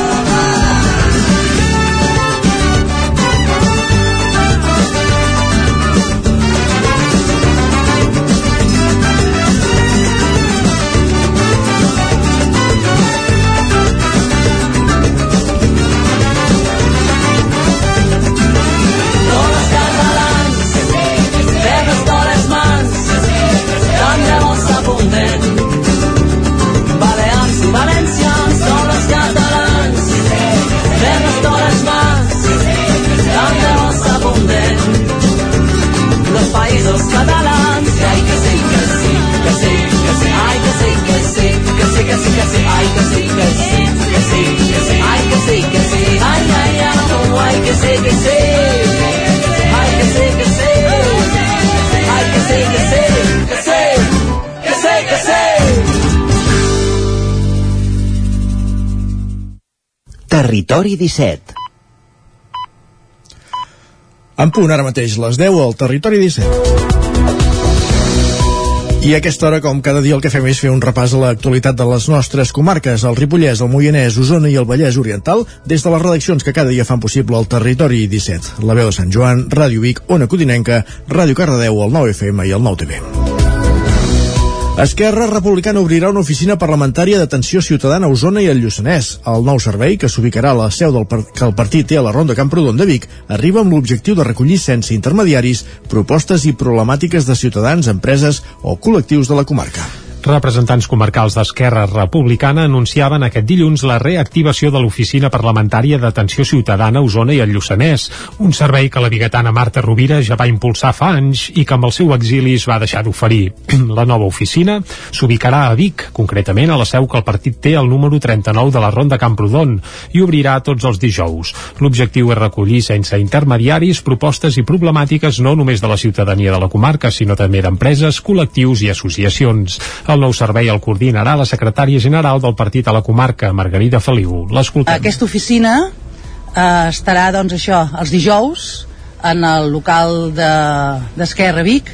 Estarà oberta per totes les persones d'Osona i el Lluçanès, per totes les empreses, per totes les entitats, per totes les associacions, perquè eh, puguin parlar directament doncs, amb la gent que tenim la sort de representar a la comarca a diferents cambres, a diferents espais de representació. Representant precisament aquests diferents espais on Esquerra té representació, l'acte de presentació de la nova oficina també va comptar amb la diputada al Parlament Alba Camps i el senador republicà Josep Maria Reniu, juntament amb el president d'Esquerra Republicana Osona, Jordi Fàbrega, i el president del Consell Comarcal, Joan Carles Rodríguez, també presents a l'acte, encapçalaran la nova oficina parlamentària. Escoltem ara el senador biguetà Josep Maria Reniu. Per sort, estem presents a totes les cambres. En el cas usonenc, això és una molt bona notícia i personalment des del Senat el que fem és eh, respondre a totes aquelles inquietuds i incompliments de l'administració general de l'Estat en el, a la nostra comarca, Osona-Lluçanès. Fixeu-vos en qüestions com els pisos de la Sareb, per Roda de Ter o eh, l'etern problema de la R3 o, per exemple, aquest mateix cap de setmana eh, el bloqueig informàtic d'un conjunt d'ajudes a pobles de menys de 5.000 habitants. Per accedir al nou servei caldrà demanar cita prèvia. La de Vic és la tercera oficina parlamentària del partit a la Catalunya Central. A principis d'octubre es va activar la del Berguedà i fa 15 dies la del Bages i Moianès. Les tres línies de bus que han funcionat l'últim mes per accedir al Parc Natural del Montseny des de la comarca d'Osona s'establiran de manera definitiva. Aquest passat cap de setmana es va acabar la prova pilot que havia començat el 9 d'octubre. Dissabtes, diumenges i festius han funcionat tres noves línies per arribar amb transport públic al Parc Natural del Montseny, una mesura que es va prendre per evitar la massificació de vehicles particulars en aquesta zona. Dues d'aquestes línies, les de Viladrau i Collformic, hi arriben des d'Osona i enllacen amb el servei ferroviari a les estacions de Vic i de Balanyà Tona Ceba, aquesta última ubicada a Sant Miquel de Balanyà. A l'espera de la valoració definitiva, la prova pilot ha constatat la viabilitat de la mesura, tot i que pel que fa a nombre d'usuaris, des del Parc Natural admeten que l'arrencada ha estat tímida. Escoltem el president de l'entitat municipal descentralitzada de Sant Miquel de Balanyà, Josep Antoni Vallbona. Diríem que nosaltres som la porta del Montseny per la banda de Ponent i després ja diríem per la banda de Llevant, on Santa Maria de Palau Tordera ja fa temps que aquestes les línies les té com a regular i sabem que els hi està funcionant molt bé per pujar cap a la zona de Santa Fe i altres zones del Parc Natural i esperem això, doncs, que, que es puguin acabar establint, tot i que ha sigut una arrencada tímida, esperem que s'acabin establint com a, com a regulars per, per poder això, que la gent que vingui de fora i fins i tot la gent de, dels mateixos pobles doncs puguin accedir al Parc Natural sense necessitat d'haver d'agafar el cotxe. El projecte per accedir en bus al Montseny el comparteixen la Diputació de Barcelona, titular del Parc Natural, i la Generalitat. I no deixem el massís del Montseny perquè en aquesta zona la situació de la ramaderia està en estat crític per falta de relleu generacional i de terrenys on pasturar. És per això que un grup de ramaders i agricultors ha creat una associació per reivindicar el sector primari al massís i buscar suports. Anem a Ràdio Televisió de Cardedeu, Núria Lázaro. El parc del Montseny té més de 30.000 hectàrees, però només una vintena de ramaders. La falta de relleu generacional i la manca d'espais oberts on pasturar són dos dels principals reptes de futur d'una activitat que està en risc de desaparèixer al massís si no hi s'hi posa remei. Juntament amb una quarantena d'agricultors i ramaders més, han creat una associació, ARAM, per reivindicar l'activitat i els beneficis en la biodiversitat i conservació del massís. Volen que se'ls tingui en compte en la gestió del parc i menys burocràcia. La situació de la ramaderia extensiva al Parc Natural de la Reserva de la Biosfera del Montseny és crítica i podria arribar a un punt d'inflexió en els propers anys si no es garanteix el relleu dels ramaders que estan a punt de plegar o si no s'augmenta de forma significativa el ritme de noves instal·lacions. Així es recull a les conclusions de l'estudi publicat al febrer d'aquest any i que l'òrgan gestor del Parc Natural del Montseny va encarregar. Actualment només hi ha 24 ramaders en actiu dins dels límits del parc. Segons l'estudi, la disminució d'explotacions es va iniciar fa un segle, però ha estat en els últims anys quan s'ha greujat. Així, entre el 2000 i el 2020 van plegar un 46% de les explotacions que hi havia. Concretament 12 van plegar i només hi van haver dues successions. A més a més, la mitjana d'edat dels ramaders del Montseny és de 61 anys. I encara al Vallès Oriental, la Plataforma per la Sanitat Pública de Sant Feliu de Codines continua reclamant un millor servei de pediatria al cap de la vila. Ara mateix hi ha una infermera pediàtrica de dilluns a divendres, però reclamen una plaça fixa de metge pediatre. Caral Campàs, des d'Ona Codinenca. Després que el cap de Sant Feliu de Codines es quedés sense servei de pediatria durant 10 dies per la jubilació de la infermera pediàtrica i la marxa del metge, ara s'ha pogut restablir el servei.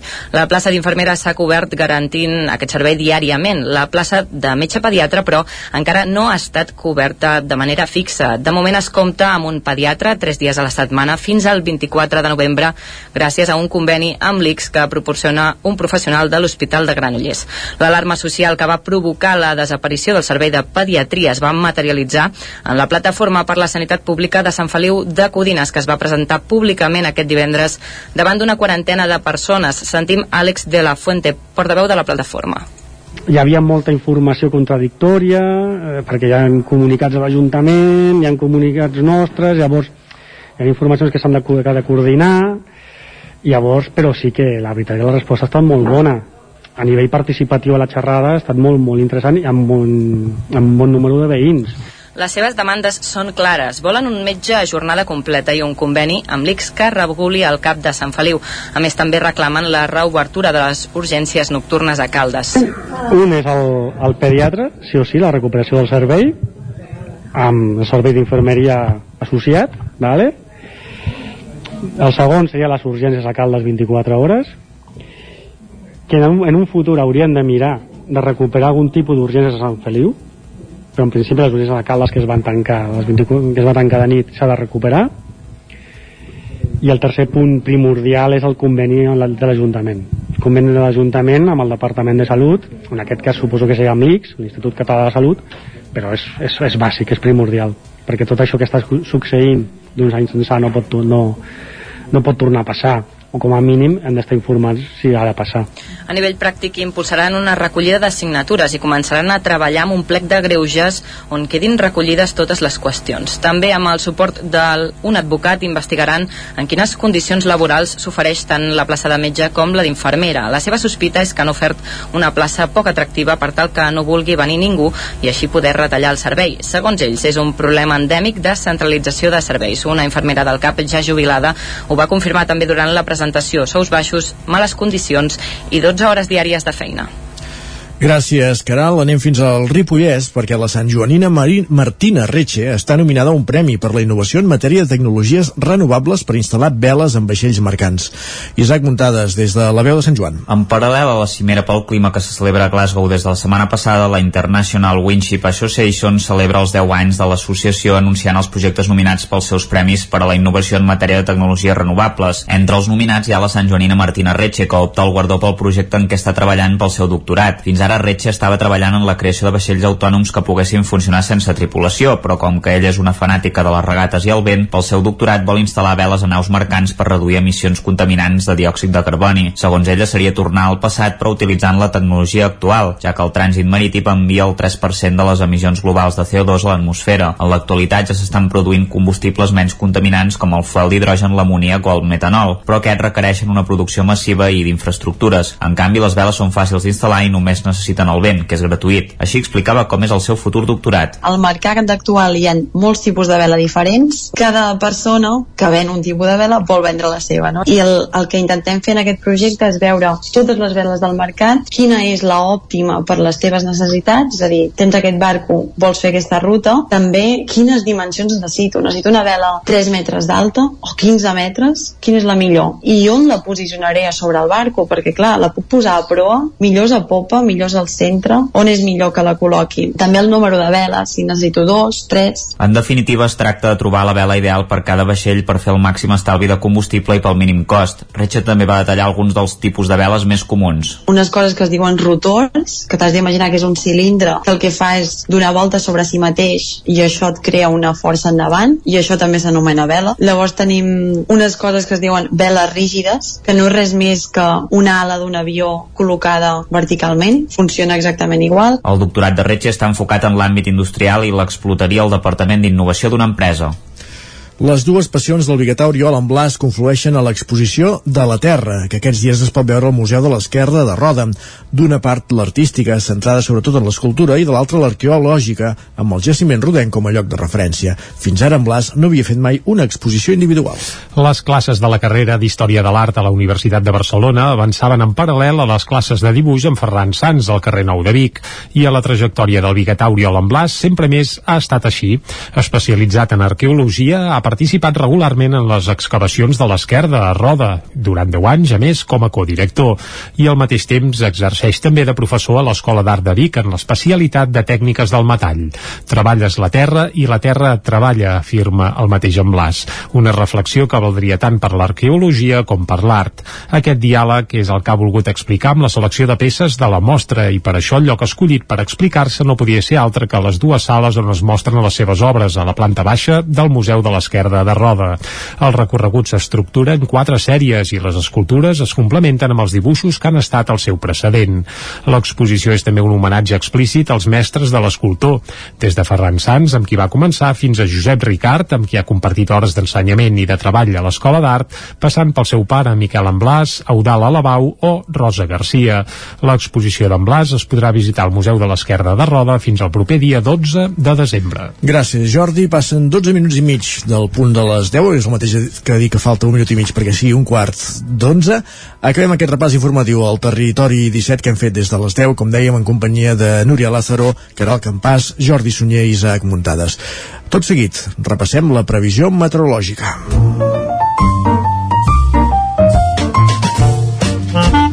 Casa Terradellos us ofereix el temps. I la previsió, com sempre, la repassarem, ens la costa en Pep Acosta, aquí ja saludem de nou. Pep, bon dia. Hola, molt bon dia. I molt bona hora. La situació mm. meteorològica dominada per aquesta pertorbació que tenim al Mediterrani entre les Balears i Catalunya mm, però de moment no està deixant eh, molta precipitació on més ha plogut les, les últimes hores és eh, el Montseny mm, em mullaré em mullaré i aviam, jo diria el que penso que farà, eh? però ja dic, eh? aquesta perturbació és, és molt, molt capritxosa, eh, veurem què acaba passant, veurem quins litres acaben produint-se. El que sé segur és que les temperatures mínimes han pujat, durant el dia les temperatures eh, baixaran. Eh, la majoria màxima entre 10, entre 10 i 15 graus. Per què? doncs perquè hi haurà molta més nubositat ens aportarà molts números aquesta pertorbació i precipitacions. Ara aquí és on, on potser fallaré però ja veurem, veurem què acaba passant. Aviam, aviam. Uh, on plourà més és cap a Ripollès i cap a Osona. Es preveuen puges de més de 10, 15, 20 litres. Uh, una puja important, una puja continuada, una puja molt beneficiosa. Vallès Oriental i Moianès jo crec que almenys plourà entre 5 i 10 litres, però ja et dic, eh, depèn de com varia aquesta pertorbació, que és molt capritxosa, plourà més a un lloc a un altre. La cota neu molt amunt, 1.900-2.000 metres. Només la zona d'Ull de Tell, zones pròximes, és on nevarà, la nevada pot superar els 20-30 centímetres de les cotes més altes. També una nevada generosa, la primera nevada generosa de la temporada. Però ja dic, eh, veurem, veurem què acaba passant. De cara a demà la perturbació ja començarà a marxar, mm, però veurem, veurem, també els mapes van ballant, veurem què, què acaba passant. I això és tot, aviam què passa amb aquesta perturbació, tinc ganes de que plogui molt, tinc ganes de que sigui una bona nevada, però veurem què acaba passant veurem què acaba passant, eh, és una perturbació important i veurem cap on es mou finalment uh Mhm. -huh. moltes gràcies i demà farem balanç de tot plegat Molt bé. adeu, bon dia Aquí estarem. Uh, exacte, aviam cap a on es mou aquesta precipitació o bé, si, si, si, si acaba caient res. Demà balanç amb en Pep Acosta. Perfecte. Ara l'entrevista, va. Casa Tarradellas us ha ofert aquest espai. Territori 17. Envia'ns les teves notes de veu per WhatsApp al 646 079 023. 646 079 023. WhatsApp Territori 17.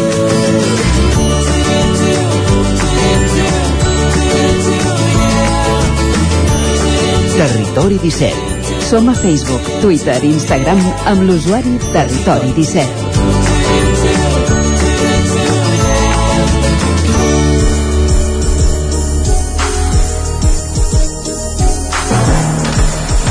Passa un minut d'un quart d'onze.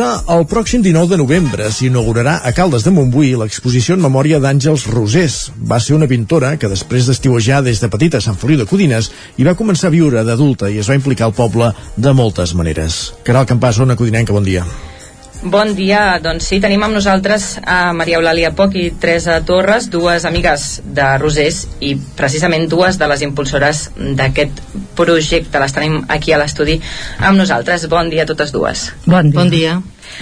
Mm, Primer, volem saber eh, per què vau decidir impulsar aquesta exposició.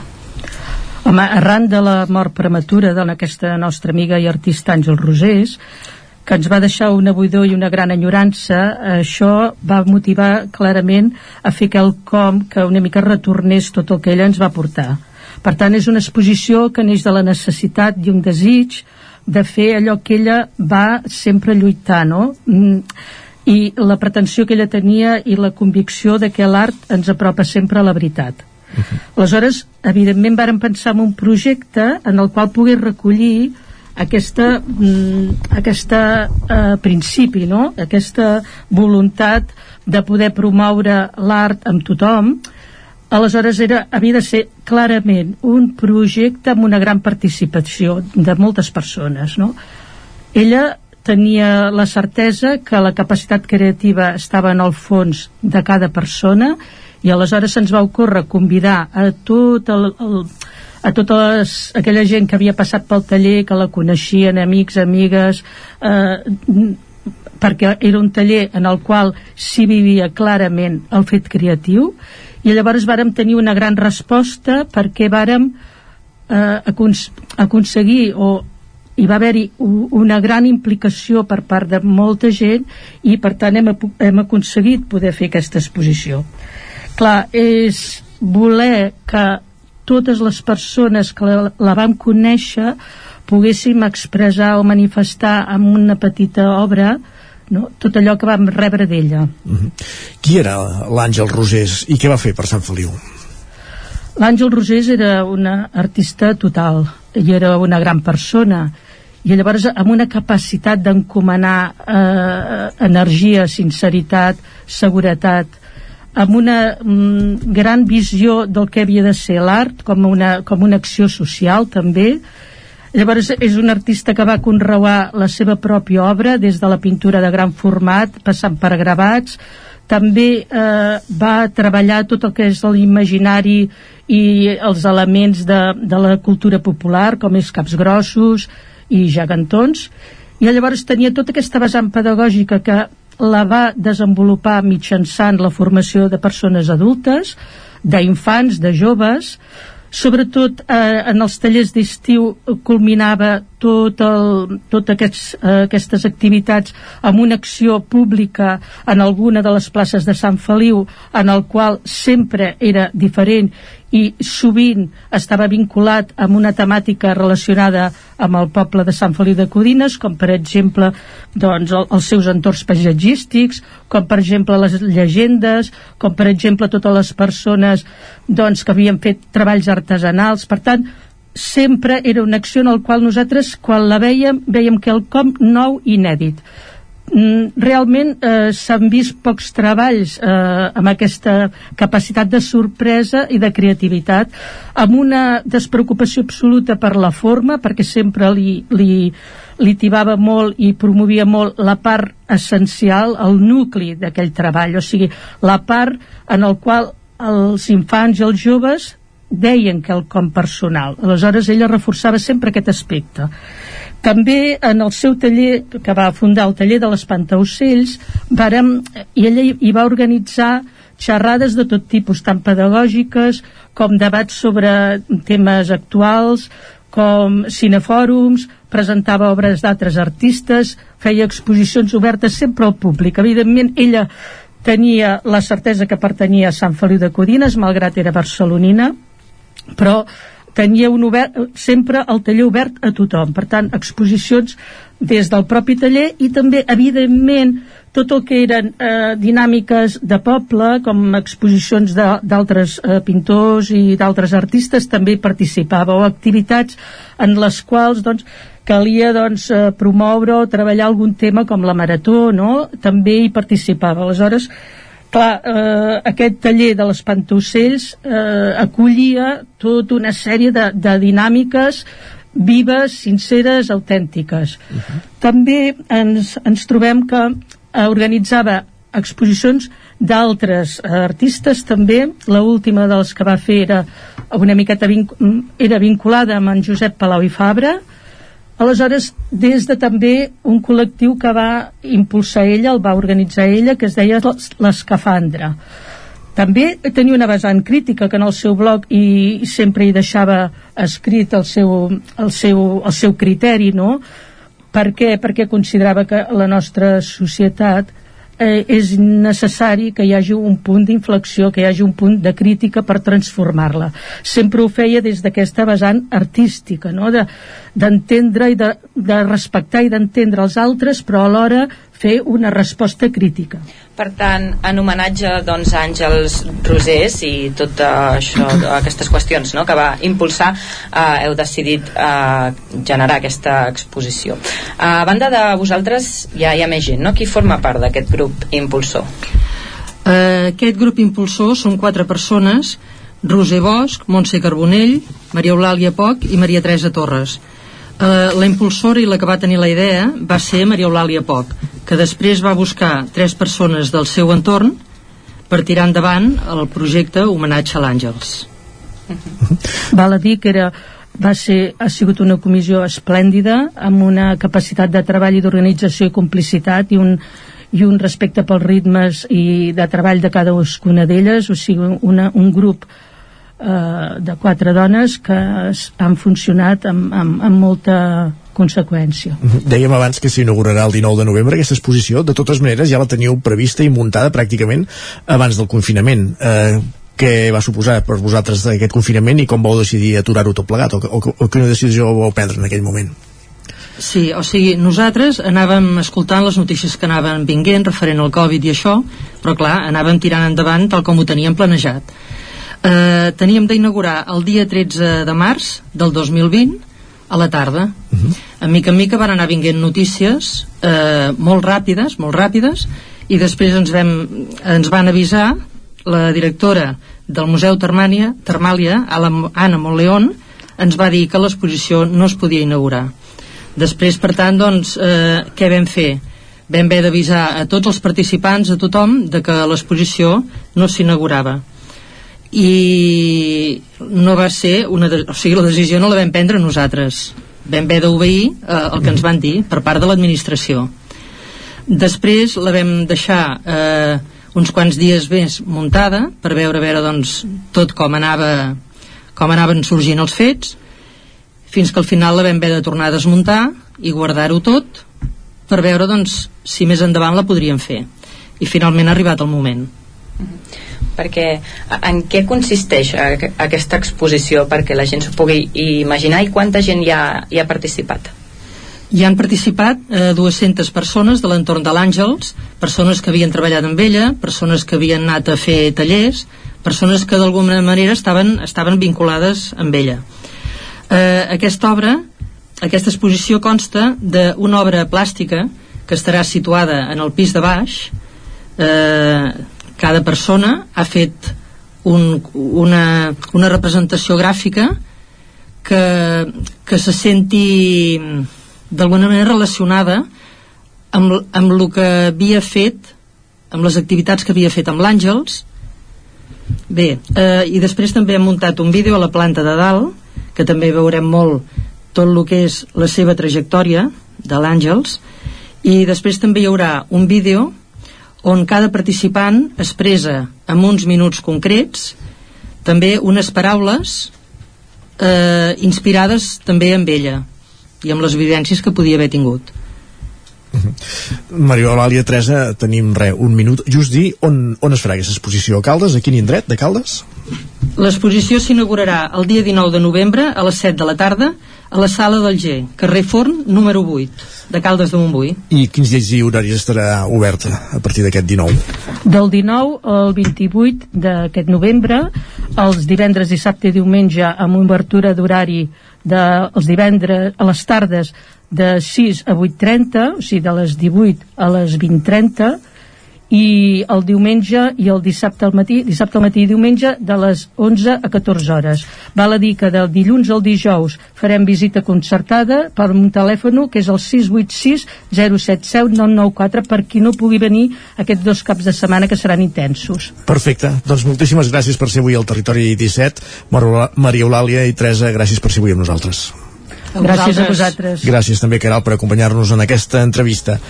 Fem una Gràcies, petita pausa. Fins ara. Fem una pausa, 3 minuts, i tornem amb les pilades i amb la taula de redacció, aquí, com cada dia, al Territori 17. El nou FM, la ràdio de casa, al 92.8. Saps què és el confort intel·ligent?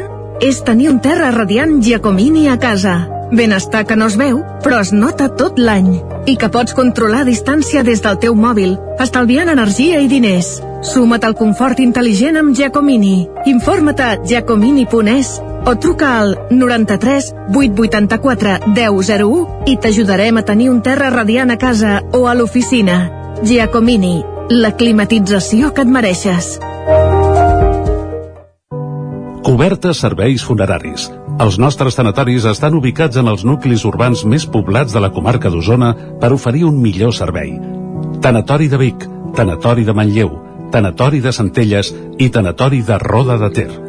Sabem que són moments difícils i per això el nostre compromís és atendre-us en tot moment amb un tracte humà, sensible i respectuós. Cobertes serveis funeraris. Telèfon 24 hores 93 883 23 46. Trobada de teatre de Centelles del 5 al 14 de novembre. Contra el progrés i la democràcia amb direcció de Jordi Arqués i Iria Roig. Cafè Teatre contra l'amor dirigit per Joan Roura. Espectacle familiar anem passant de la companyia Clown. I al nou ordre mundial hi fem l'última copa de Harold Pinter amb la companyia Llanega Negra. Trobada de teatre de Centelles. Consulta els horaris i reserva la teva entrada a centelles.cat. Rètols 2A. Experts en comunicació visual Rètols, banderoles, vinils, impressió, plaques gravades, senyalització, display... Rètols Dos Art. Ja són 25 anys al vostre servei. Ens trobareu a la carretera de Vic a Olot, número 7, al polígon Malloles de Vic. dosartvic.com Telèfon 93 889 2588. El diumenge 14 de novembre, cinquena cursa de resistència 3 hores Ceba Laia Sanz. A les 8 del matí, verificacions, a les 9 entrenaments i a dos quarts d'11 inici de la cursa. Inscriu-te al telèfon 633 650 297. El 14 de novembre t'esperem a la cinquena cursa de resistència Ceba Laia Sanz. Organitza l'Ajuntament de Ceba. Cocodril Club. Si t'agrada la bona música dels anys 60, 70 i 80, escolta el 9 FM als matins de dissabtes i diumenges d'11 a 1. És el temps del Cocodril Club, tot un clàssic de la ràdio, amb les bases del pop-rock, les llegendes, les cançons que s'han convertit en autèntics himnes. Recorda, dissabtes i diumenges al matí, d'11 a 1, al 9 FM 92.8. Cocodril Club, el programa revival de l'Albert Malla. Hasta luego, cocodrilo. El nou FM, el nou FM, el nou FM, el nou FM, el nou FM.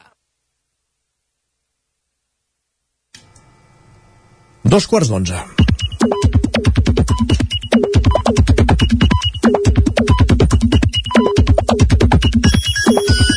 I a aquesta hora és moment de repassar les pilades, però avui, Jordi, no en companyia d'en Guillem Sánchez. Exacte, avui estem molt ben acompanyats també amb la Clàudia Dinarès. Uh, Clàudia, molt bon dia. Molt bon dia, que què la tal? Clàudia, escolta, ho té uh, pamadíssim això, perquè tota la temporada passada qui ens acostava les piulades aquí a Territori 17 era la Clàudia, per tant, a Clàudia, tens controladíssim, eh? Torno, torno per un dia. Ah, ben fet, ben fet. Què ens portaràs avui? Per on arrenquem? A veure, avui uh, us porto dos grans temes. He vist uh -huh. que bullien a les xarxes socials i he decidit, doncs, uh, portar aquí a, a les Va, piolades. anem pel primer. El primer és l'Snac, el típic bar uh, de la plaça Major de Vic, uh, i la Jenny Gran, que és una, una noia que piula tot el dia i que a més a més és de la comarca i, i de Vic i que normalment parla de Vic va donar una notícia pel que sembla terrible a Twitter. Diu, va m'acaben de dir que l'SNAC tanca i estic en xoc.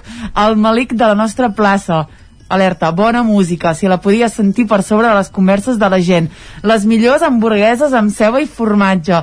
El lloc on ens van presentar i etiqueta el periodista Quico Sallés. Boira a fora i boira a dins. En fi, una notícia que la Jenny doncs no li ha agradat massa i en Quico Sallés eh, contesta i diu no cardis, no pot ser. Grans nits, grans cantades de rams, grans hamburgueses i el biquini amb bou fum, música, copes, en Pere i l'Olga, on ens van presentar. En fi, uh, molta més gent va contestar, uh, en Jordi Comas va posar una mica uh, de pau i va explicar exactament què passava amb l'SNAC. Diu sí. Clar, és que això estaria bé, perquè vols dir que Exacte. tanca? No, exacte. Ah, és que jo no ho tenia Tanca pas el mític uh, bar de, de l'SNAC, el que passa és que obre a la part uh, que ja tenien uh, Al costat. al costat, vull dir que uh, qui vulgui podrà continuar anant a l'SNAC, però ha de saber que no anirà al típic local de sempre, sinó amb un de nou que ara en Però Jordi és a Comas... la plaça Major, igualment, Exacte, eh? sí, sí, Mhm. res, res. Uh, de fet, connectaven per dintre, per tant, vull dir, pràcticament és el terrassa, mateix. la terrassa serà la mateixa. Exacte. Bé, en Jordi Comas, però, explica exactament què passarà. Diu, Va. sí, rehabiliten l'edifici i han de fer una escala reglamentària, un ascensor, etc. No quedarà res. En la poca superfície que quedarà, després posa-hi uns lavabos de debò. En fi, que es traslladaran al local del costat amb el rètol, amb els mobles, etc. Diu, fan un sucedani. Per tant, hi haurà snack, eh? El que passa és que no serà en el mític local eh, de sempre. I en el fons és per millorar, per tant, Exacte. benvingut sigui. En fi, la Laia diu directament, no pot ser. I en Pep Foses diu, no m'ho puc creure, plaça sense l'esnac, mai tornarà a ser el mateix. Quina merda tot plegat. Per tant, li diem a en Pep que no pateixi. Bueno, que s'ho agafi amb relativa Exacte. tranquil·litat. Oi, fa eh, 20 anys o 25 que no hi ha el Cafè Vic, per Exacte, exemple. per- Aquí Vic, per i dir-ne al- un, sí, alguns sí. hem sobreviscut, també. Exacte. Però vaja. En fi, aquest era un dels dos temes que us portava. L'altre gran tema que us porto avui uh, té a veure amb les alpaques. Per Ara, clar, alpaques, per qui no estigui situat, què és això? És un animal eh, que hem conegut a través de l'Àngels, que és una noia de cercs. Ahir l'Arnau Tordera primer a Twitter eh, va adjuntar una imatge de l'Àngels, que és una cuidadora d'alpaques, que és un animal típic del Perú, que ella ha portat al Berguedà i que doncs eh, s'ha fet viral I per cert, tot va començar al torn de tarda, Tot va eh, que al torn de presentes, tarda. eh, Clàudia, perquè la Exacte. primera aparició d'aquest bestiar eh, televisivament parlant va ser eh, això, Sí. el Nou TV. hem de dir que, que sí, que hi va anar el nostre company l'Eric Calderé i, en fi, les alpaques en són una mena d'animal eh, tot divertit, però és que la Maria Àngels, que és la dona que, que les cria, els... també és uh, fora de sèrie. En fi, en Xavi Buixeda diu molt a favor de la noia que cuida alpaques, de la llibertat amb la qual s'expressa i l'alegria per la seva feina que desprèn. La Montserrat diu bona nit només a la senyora de les alpaques. Carai. El món és d'aquí a fan realitat els seus somnis. No ho sé. El senyor Bigotis diu us penseu que sabeu moltes coses de les alpaques però sabeu que tenen tres tipus d'escopits i que Uh. un d'ells té el mateix poder de destrucció que la sang d'alien Mare Ara, de Déu. clar, no, no, no ho sabíem. Sort que ens ho és, expliqués. són tot bestieses i en Pol diu me n'alegro molt per aquesta senyora però una notícia més sobre les alpaques i juro que salto per la finestra Barrufa. En fi, les alpaques Doncs benvingut sigui aquest que bestiar i si serveix per mantenir una mica l'activitat ramadera a una comarca com el Berguedà, doncs eh, enhorabona. Clàudia, moltes gràcies. per avui. Que Perfecte, gràcies, Clàudia. Jordi, repassem Va, a digitals. les portades del 99.cat no hi apareixen alpaques, ni el Vallès, ni a Osona, ni el Ripollès, eh? però les llegirem igualment. Ara mateix, a la portada d'Osona i el Ripollès del 99.cat apareix que denuncien per anar a 180 per hora per la C62 a Olost a un conductor. Recordem que la C62 és l'eix entre cometes del Lluçanès, perquè ens situem, si pot anar a 90 per hora, doncs van enxampar un conductor anant a 180, el doble. El que em meravella és que és un Seat León, no sabia que corressin tant aquests cotxes més. Sí, en tens un, no? No, no Ah. és un León el meu. Ah, val, pensava que anaves per aquí. Val. No, no, 180 al costat d'Olost és, és evidentment una també, tam, bogeria. també és cert que eh, si és el punt on em penso fa baixada i clar, entre l'embranzida i el gas doncs pots... Sí, no, no, però clar, una cosa és anar-hi a 120 i, Sí, sí, no, és i una l'altra és a 180. És una bestiesa i val més no fer-ne conya, tens cert. Va, sí. Uh, més coses, gairebé la meitat d'oficines bancàries que fa 20 anys, això a Osona i al Ripollès, i també Uh, la situació de la ramaderia. Al Montseny és crítica per la falta de relleu generacional i de terrenys on pasturar, una notícia que també la podríem trobar a l'edició del Vallès Oriental, on anem ara mateix, i en aquest moment, a la capçalera de la portada del Vallès uh, Oriental del 99.cat hi trobem que l'aigua del Ter arribarà a la Font del Bou de Vigues i Riells del FAI uh, déu nhi portar aigua del Ter fins allà no deu ser cosa fàcil no. i no sé si sostenible també, però vaja de, de fet, com que ja arriba a Osona Sud a Centelles, ja sí, no, no, una mica més es tiren un pèl la canonada i ja hi són, eh? Sí, però, sí. però bé, parlem de l'Ebre i a vegades el que estem aixugant és el Ter, que és el riu que tenim al costat. Però vaja. Més qüestions. Reculada dels positius de Covid-19 al Vallès Oriental, per tant una bona notícia, i que volca un cotxe a Granollers i provoca danys a quatre vehicles aparcats, amb una fotografia que, que bé, que és espectacular. Es veu un cotxe ben volcat, un bomber que s'ho mira i quatre cotxes que, pobres, estaven aparcats i ara estan planxats, a més a més. Perfecte, Jordi. Gràcies. Dos quarts i mig d'onze del matí i anem a la taula de redacció. Vinga, anem -hi.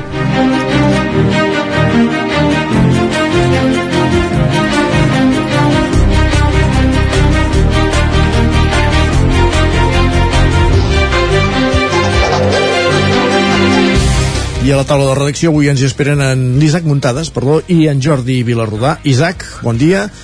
Bon dia. Per parlar d'aquest ple de Ripoll que ens explicaves a les 9, on es van aprovar les ordenances, bàsicament. Sí, exacte, es van aprovar les ordenances, de fet eh, hagués estat una sorpresa que no s'haguessin aprovat perquè normalment eh, l'equip de govern de Junts per Ripoll sempre acaba trobant doncs, eh, algun de, dels partits que hi dona suport eh, el PSC normalment sempre s'absté en aquests casos eh, en tots els en l'històric dels últims anys, per tant ja es donava per fet la seva extensió i així va ser i en aquest cas hi va poder sumar també l'alternativa per Ripoll CUP que també es va abstenir i fins i tot Esquerra, que va votar-hi en contra, també va, va ser bastant... Bueno, va, va veure-hi moltes coses positives, sobretot per al que seria que s'hi van incorporar també moltes propostes i que la bona acollida del regidor de Serveis Econòmics, Josep Maria Creixans, que tots els grups destaquen doncs, que és una persona que, que li agrada incorporar coses de, de la resta de grups i que, i que en certa manera doncs, fa, els fa una mica còmplices de, de, de fer les ordenances una mica, una mica junts. Uh, per tant, va ser uh, una aprovació uh, senzilla, en principi i, i dir-vos que sobretot el que més va destacar és la, la pujada de l'IBI.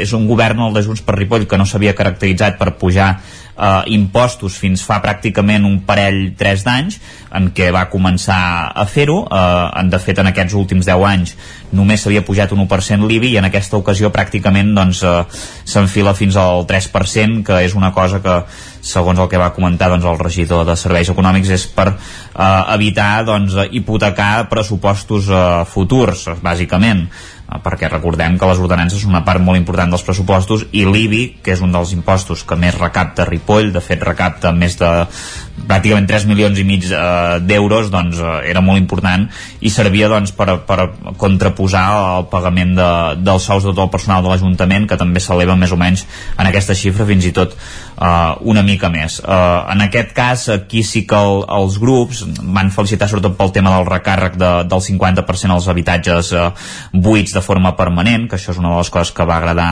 d'una de, de les bonificacions, de, en aquest cas penalitzacions de, uh, de l'IBI i, i una mica el, el motiu sobretot d'Esquerra que és l'únic grup així municipal uh, que hi va votar-hi en contra a banda de la regidora no adscrita Sílvia Oriols uh, doncs és per, a, per al tema de que creien que, que en una època de Covid doncs també es feia complicat a, a pujar uh, aquests uh, impostos i en el tema de l'IBI va dir que el més coherent potser hagués set pujar una mica tots els impostos, que ells no deien que no s'havien d'haver pujat, eh, però repartir una mica més no, entre, de, entre la resta uh, d'impostos municipals, ja fos doncs, uh, l'IAE, l'impost d'atracció de, de, de, de vehicles, uh, una, una mica això, eh? vull dir, i aquesta precisament va ser una mica també el motiu de que el PSC es va abstenir, que, que ja ells veien bé que, que, se, que s'apugessin impostos, de fet no haguessin concebut que no s'haguessin apujat perquè creien que uh, a un any pràcticament que queda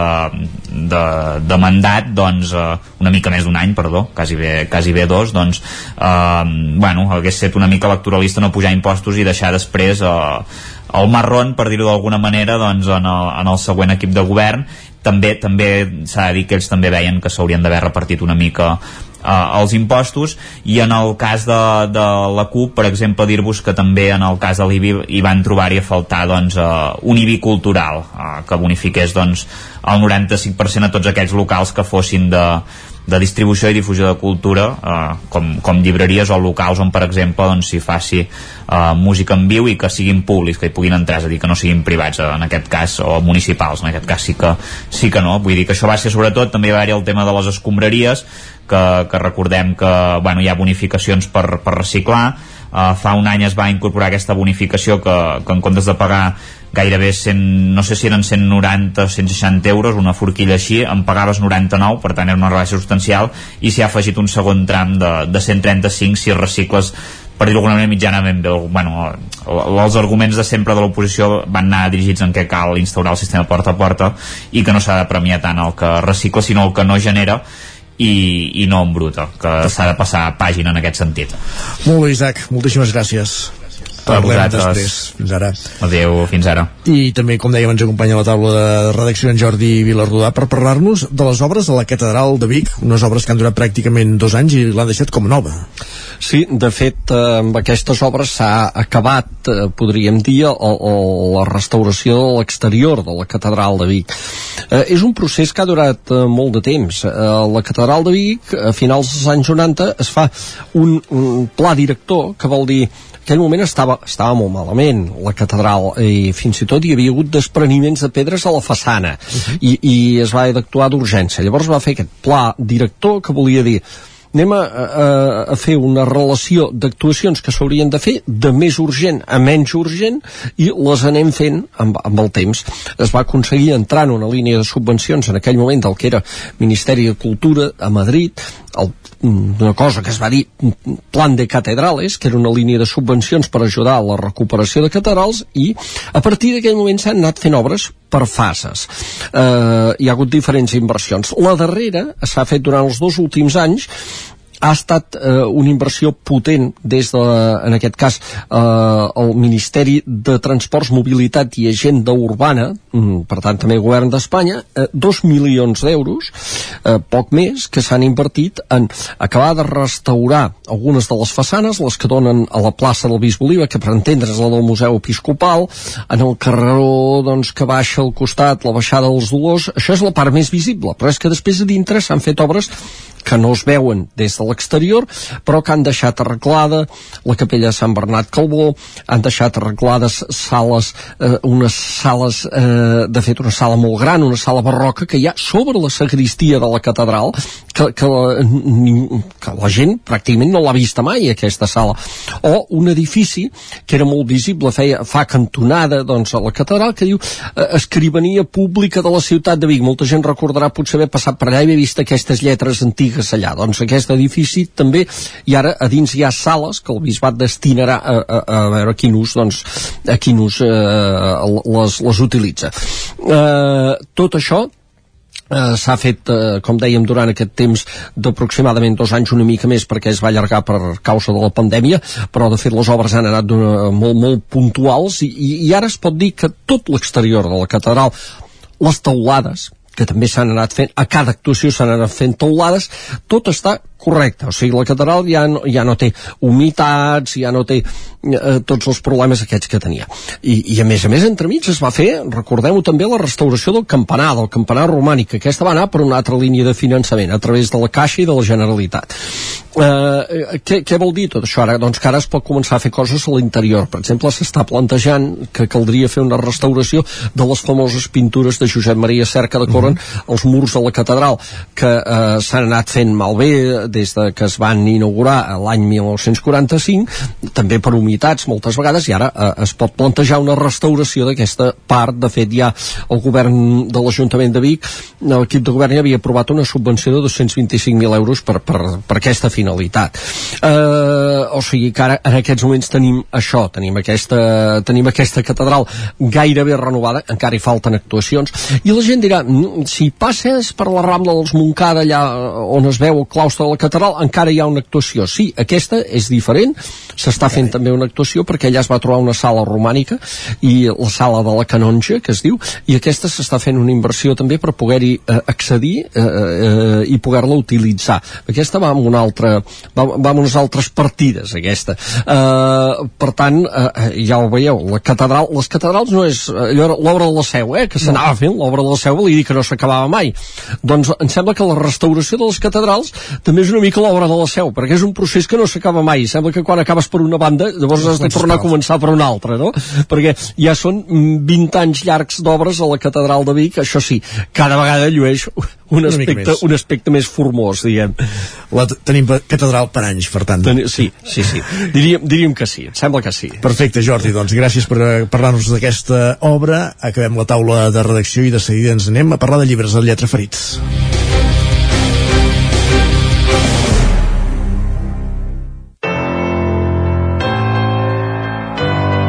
Territori, Territori 17. 17.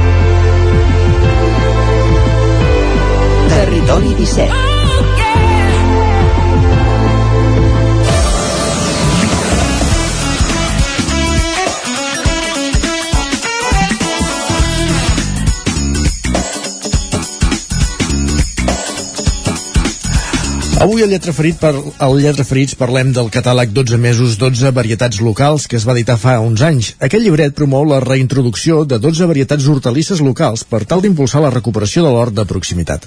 Per conèixer més detalls anem cap a Ona Codinenca, que era el campàs. Bon dia de nou. Hola, bon dia de nou. Doncs sí, aquest catàleg està signat pel calderí Jonathan Delamo i va ser editat conjuntament amb l'Ajuntament de Caldes i el Consell Comarcal del Vallès Oriental. Tenim a Jonathan Delamo al telèfon per conèixer més detalls d'aquest llibret divulgatiu. Bon dia, Jonathan. Hola, bon dia, Caral. Què tal? Molt bé, esperem que tu també. Eh, volem començar parlant de eh, com va començar tot, no? Qui et va proposar eh, redactar aquest llibret? Mm -hmm. Doncs aquest llibret, eh, la proposta va venir de l'Ajuntament de Caldes i del Consell Comarcal, perquè abans ja havíem fet alguns petits eh, llibrets sobre varietats locals de la comarca, i sobretot l'Ajuntament de Caldes va veure que era interessant recuperar algunes varietats pròpies d'aquí de, de la zona, i em van fer aquesta proposta i, i és el que va sortir. Uh -huh. Una mica el projecte anava lligat amb el llibre i també amb la recuperació d'algunes d'aquestes varietats. No? Com ho vas fer per documentar-te, per recopilar la informació d'aquestes varietats en desús, diguem-ne? Bueno, això és una feina que porto fent des de ja fa bastants anys, també a través de, del Departament d'Agricultura. Llavors, toquem molta bibliografia antiga i a partir d'aquí doncs, anem fent prospeccions d'aquestes varietats, intentem trobar-la en algun llibre antic que tingui doncs, més de 50-60 anys i que per tant ens confirmi que és una varietat antiga i, i això, no? En, en el llibret al final hi ha un apartat de bibliografia on, on surten detallats tots els, els llibres que hem consultat. Ara que la publicació del catàleg anava vinculada a la recuperació. A, a nivell pràctic, eh, com es va traduir això? Doncs, de fet, el catàleg era important, però l'important era la recuperació, no? Llavors, el que vam fer és triar algunes varietats, que són vàries de les que surten en, en el llibre, i les vam oferir directament en els hortalans. En aquest cas es va fer en, en els hortalans de les hortes de baix i també en els horts domèstics de, de Torre Marimont, en el que es va donar el llibre i a més a més se'ls donava planter d'algunes d'aquestes varietats perquè se'l poguessin cultivar i, eh, i en poguessin guardar llavor, no? que és, és la part fonamental de, de tot plegat, no? que ells eh, siguin autosuficients, i, i es guardin aquesta llavor. Mhm. -huh. Estem parlant de 12 variants varietats autòctones. Quines són? Ens les pots detallar? Sí, més, més o menys en el llibre el que vam fer és intentar promoure un cultiu de tot un any, perquè normalment la gent que fa es dedica molt a, a la part, diguem, de l'hort que és el llauner, però, però també a, a l'hort és molt interessant amb el clima que tenim aquí al Vallès i només amb el canvi climàtic que cada cop podem fer més varietats de l'hivern Llavors, tenim eh, el gener, doncs, proposem l'ancià, sempre pensant en, en, dates de sempre de hem tingut problemes amb aquesta comunicació amb, amb el Jonathan. Tornem, intentem tornar-lo a trucar per recuperar l'entrevista i continuem aquest lletra, aquest lletra ferits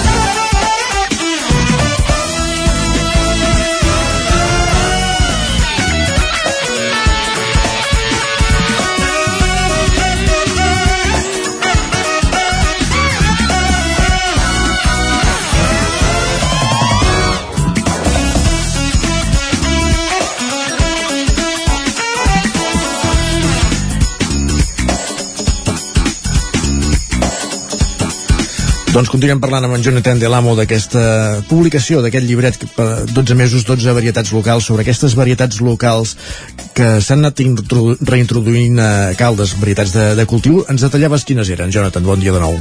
Sí, bon dia. A veure, una miqueta el, el que fem és és a partir de les dates de sembra d'aquestes varietats doncs fem la proposta, no? Llavors ara al gener tenim enciam, al febrer tenim tomàquet, al març pebrot, l'abril carbassa, al maig blat de moro, al juny bròquil, al juliol mongeta, a l'agost eh, col, setembre escarola, octubre pèsol, novembre raba i al desembre ceba, no?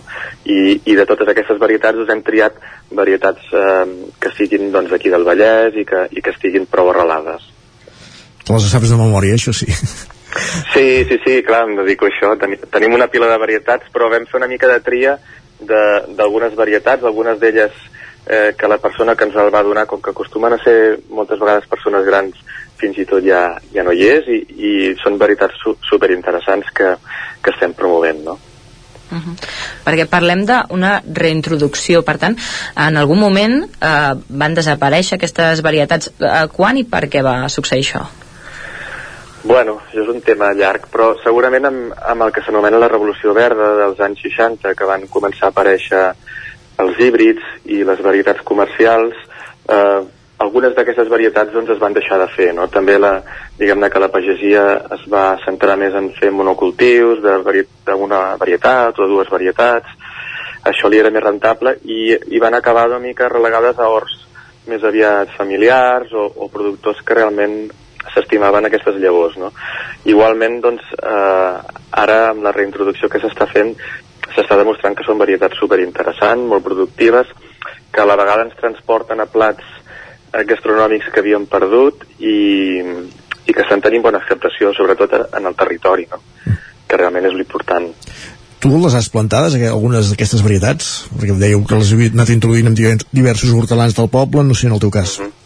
Sí, sí, sí, nosaltres tenim un banc de llavors, de fet tenim un banc de llavors amb, amb gairebé 200 varietats pròpies d'aquí i les, les anem plantant també per, per renovar llavor. Uh, aquesta llavor la, la conservem en un banc de germoplasma d'aquí de Granollers, que està al Museu de Ciències Naturals, al Museu de la Tela, i cada any anem fent bàsicament per mantenir la viabilitat d'aquestes espècies, no? Vull dir, sí, les, les fem totes, al final. Uh -huh i, i a Caldes eh, es van repartir, com comentaves, a les hortes de baix i als horts eh, urbans de la Torre Marimont. Eh, coneixes algú concret no? que hagi pogut posar en pràctica els coneixements de, del llibret i se n'hagi sortit? Sí, sí, sí, diverses persones. De fet, eh, si et fas una passejada a, a, per, per les hortes de baix, per exemple, que és un lloc bonic de caminar, doncs es veu a simple vista que hi ha algunes varietats que alguns pagesos o hortelans se les han fet seves i, i les estan conservant, no? Alguns tomàquets, l'enciam, la carbassa, el blat de moro groc i vermell, que és un blat de moro també de caldes. Sí, sí, realment eh, entenc que cadascú ha agafat les varietats que més li han interessat o com més li han funcionat o com més li han agradat i, i, i n'ha guardat llavor. Mm -hmm és sens dubte una manera més d'afavorir l'agricultura la, de quilòmetre zero i, i ecològica. Teniu intenció d'implantar-ne d'altres varietats o de recuperar altres cultius eh, autòctons? Bueno, bàsicament anem promovent varietats concretes. Per exemple, aquest any passat es van fer les primeres jornades gastronòmiques del tomàquet de Caldes i, i vam participar doncs, introduint aquestes varietats. No? Les varietats de tomàquet que es van fer servir per jornades gastronòmiques eren varietats eh, que conservàvem nosaltres i els hi vam oferir doncs, també planter en els, en els pagesos locals, en els productors perquè, perquè les fessin. Al final una mica la, la intenció és aquesta, no? acabar agafant alguna d'aquestes varietats que, que funcionin i que agradin i que a més a més doncs, identifiquin a, el productor i el poble i, i, i tirar-la endavant. No? També des del Departament d'Agricultura, doncs, des de l'any 2015 ja estem fent feina conjuntament tots els que ens dediquem a això i estem creant el, el futur banc de llavors d'aquí de, de Catalunya per preservar aquestes varietats. No?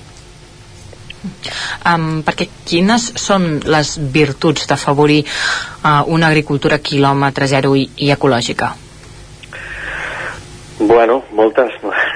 La veritat és que ara amb la crisi energètica que ens ve, eh, cada cop és més important. De fet, amb la pandèmia jo crec que tots plegats ens hem donat compte de, de que la cosa més important gairebé és l'alimentació, no? que, que tot el que són serveis i de més, que, que és amb el que treballem la majoria de nosaltres, són totalment prescindibles i no podem, i en canvi de l'alimentació ens no podem prescindir.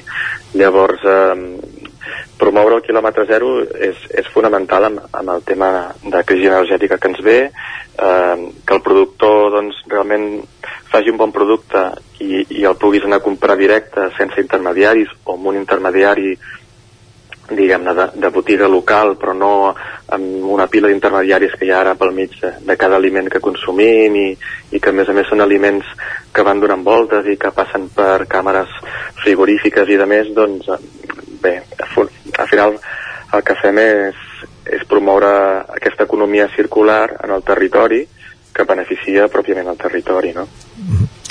Perfecte, avui en aquest espai de literatura hem parlat d'un catàleg que ens ha portat a parlar d'horticultura, de, de cultiu, d'aquestes varietats autòctones reimplantades a, a Caldes, amb en Jonathan Delamo, l'autor d'aquest catàleg. Gràcies per ser avui amb, amb nosaltres a Lletra Ferits. Molt bé, gràcies a vosaltres. Bon dia. I bon dia i gràcies també, Caral, per acompanyar-nos durant aquesta estona i portar-nos doncs, a aquesta, a aquesta obra, aquest volum avui a, en aquesta secció del Territori 17. A vosaltres, fins ara.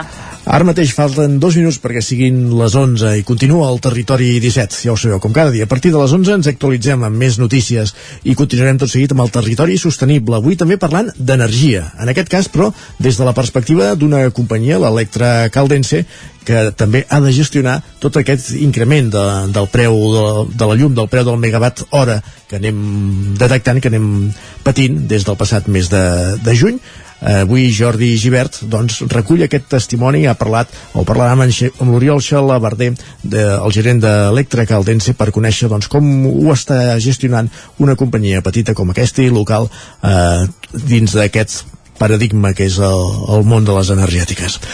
Uh, això serà, com dèiem, després de les 11 i arribarem al punt de dos quarts de 12 uh, fent el seguiment del que ha estat avui el pas per l'R3, com cada dia amb l'Isaac Muntades per acabar el programa fent la roda, la roda, la roda per les redaccions del Territori 17 per conèixer l'agenda cultural pels propers dies, del proper cap de setmana la, des dels diferents territoris que per on emetem aquest programa cada dia des de les redaccions de la veu de Sant Joan, d'Ona Codinenca, de Ràdio Vic, del 9FM i de Ràdio Cardedeu.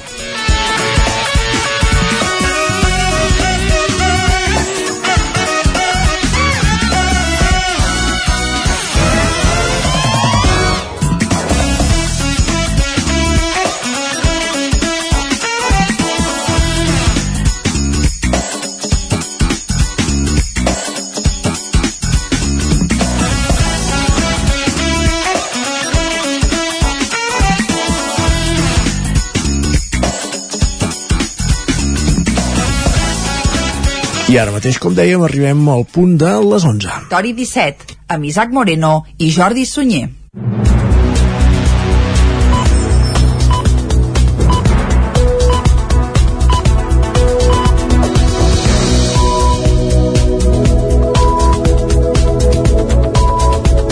Comencem aquest repàs informatiu de les 11. Eh, el Ripollès Esquerra de Sant Joan de les Abadesses exigeix a l'equip de govern que rengi cinc carrers de la Vila Vella amb una periodicitat d'almenys un per any. Isaac Muntades, des de la veu de Sant Joan.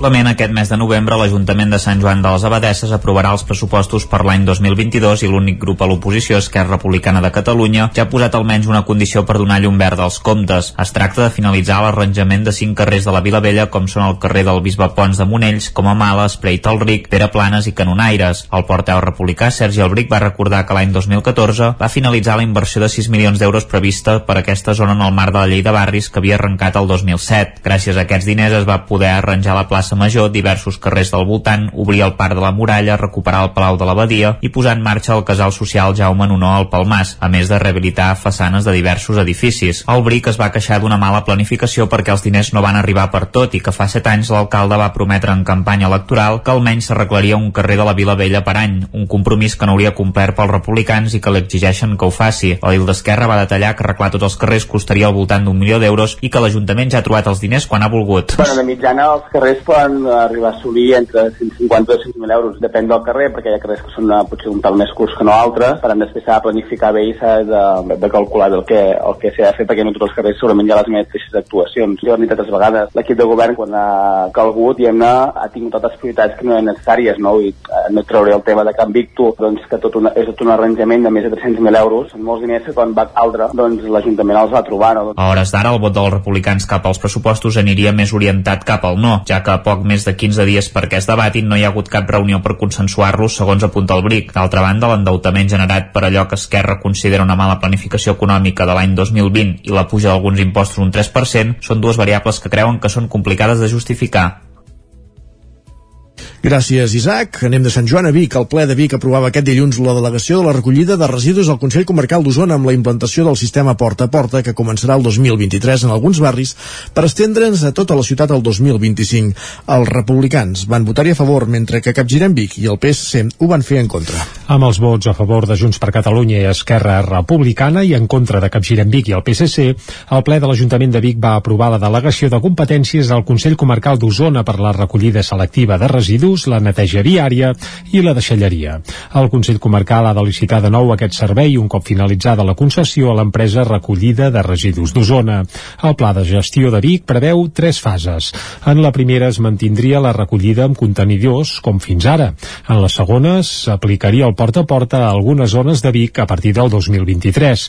I a la tercera, l'estesa del porta a porta seria a tota la ciutat. Albert Castells és el regidor de Manteniment i Serveis i de Medi Ambient de l'Ajuntament de Vic. L'impacte econòmic que es preveu sobre les taxes municipals, tal com s'expressa en l'informe d'intervenció i dels serveis tècnics, és d'entorn de fins al 30% a partir de l'any 25 és una pujada important, però en tot cas queda clar també l'expedient que l'alternativa de no fer res, de seguir amb un model de contenidors oberts, generaria a la ciutat un impacte major.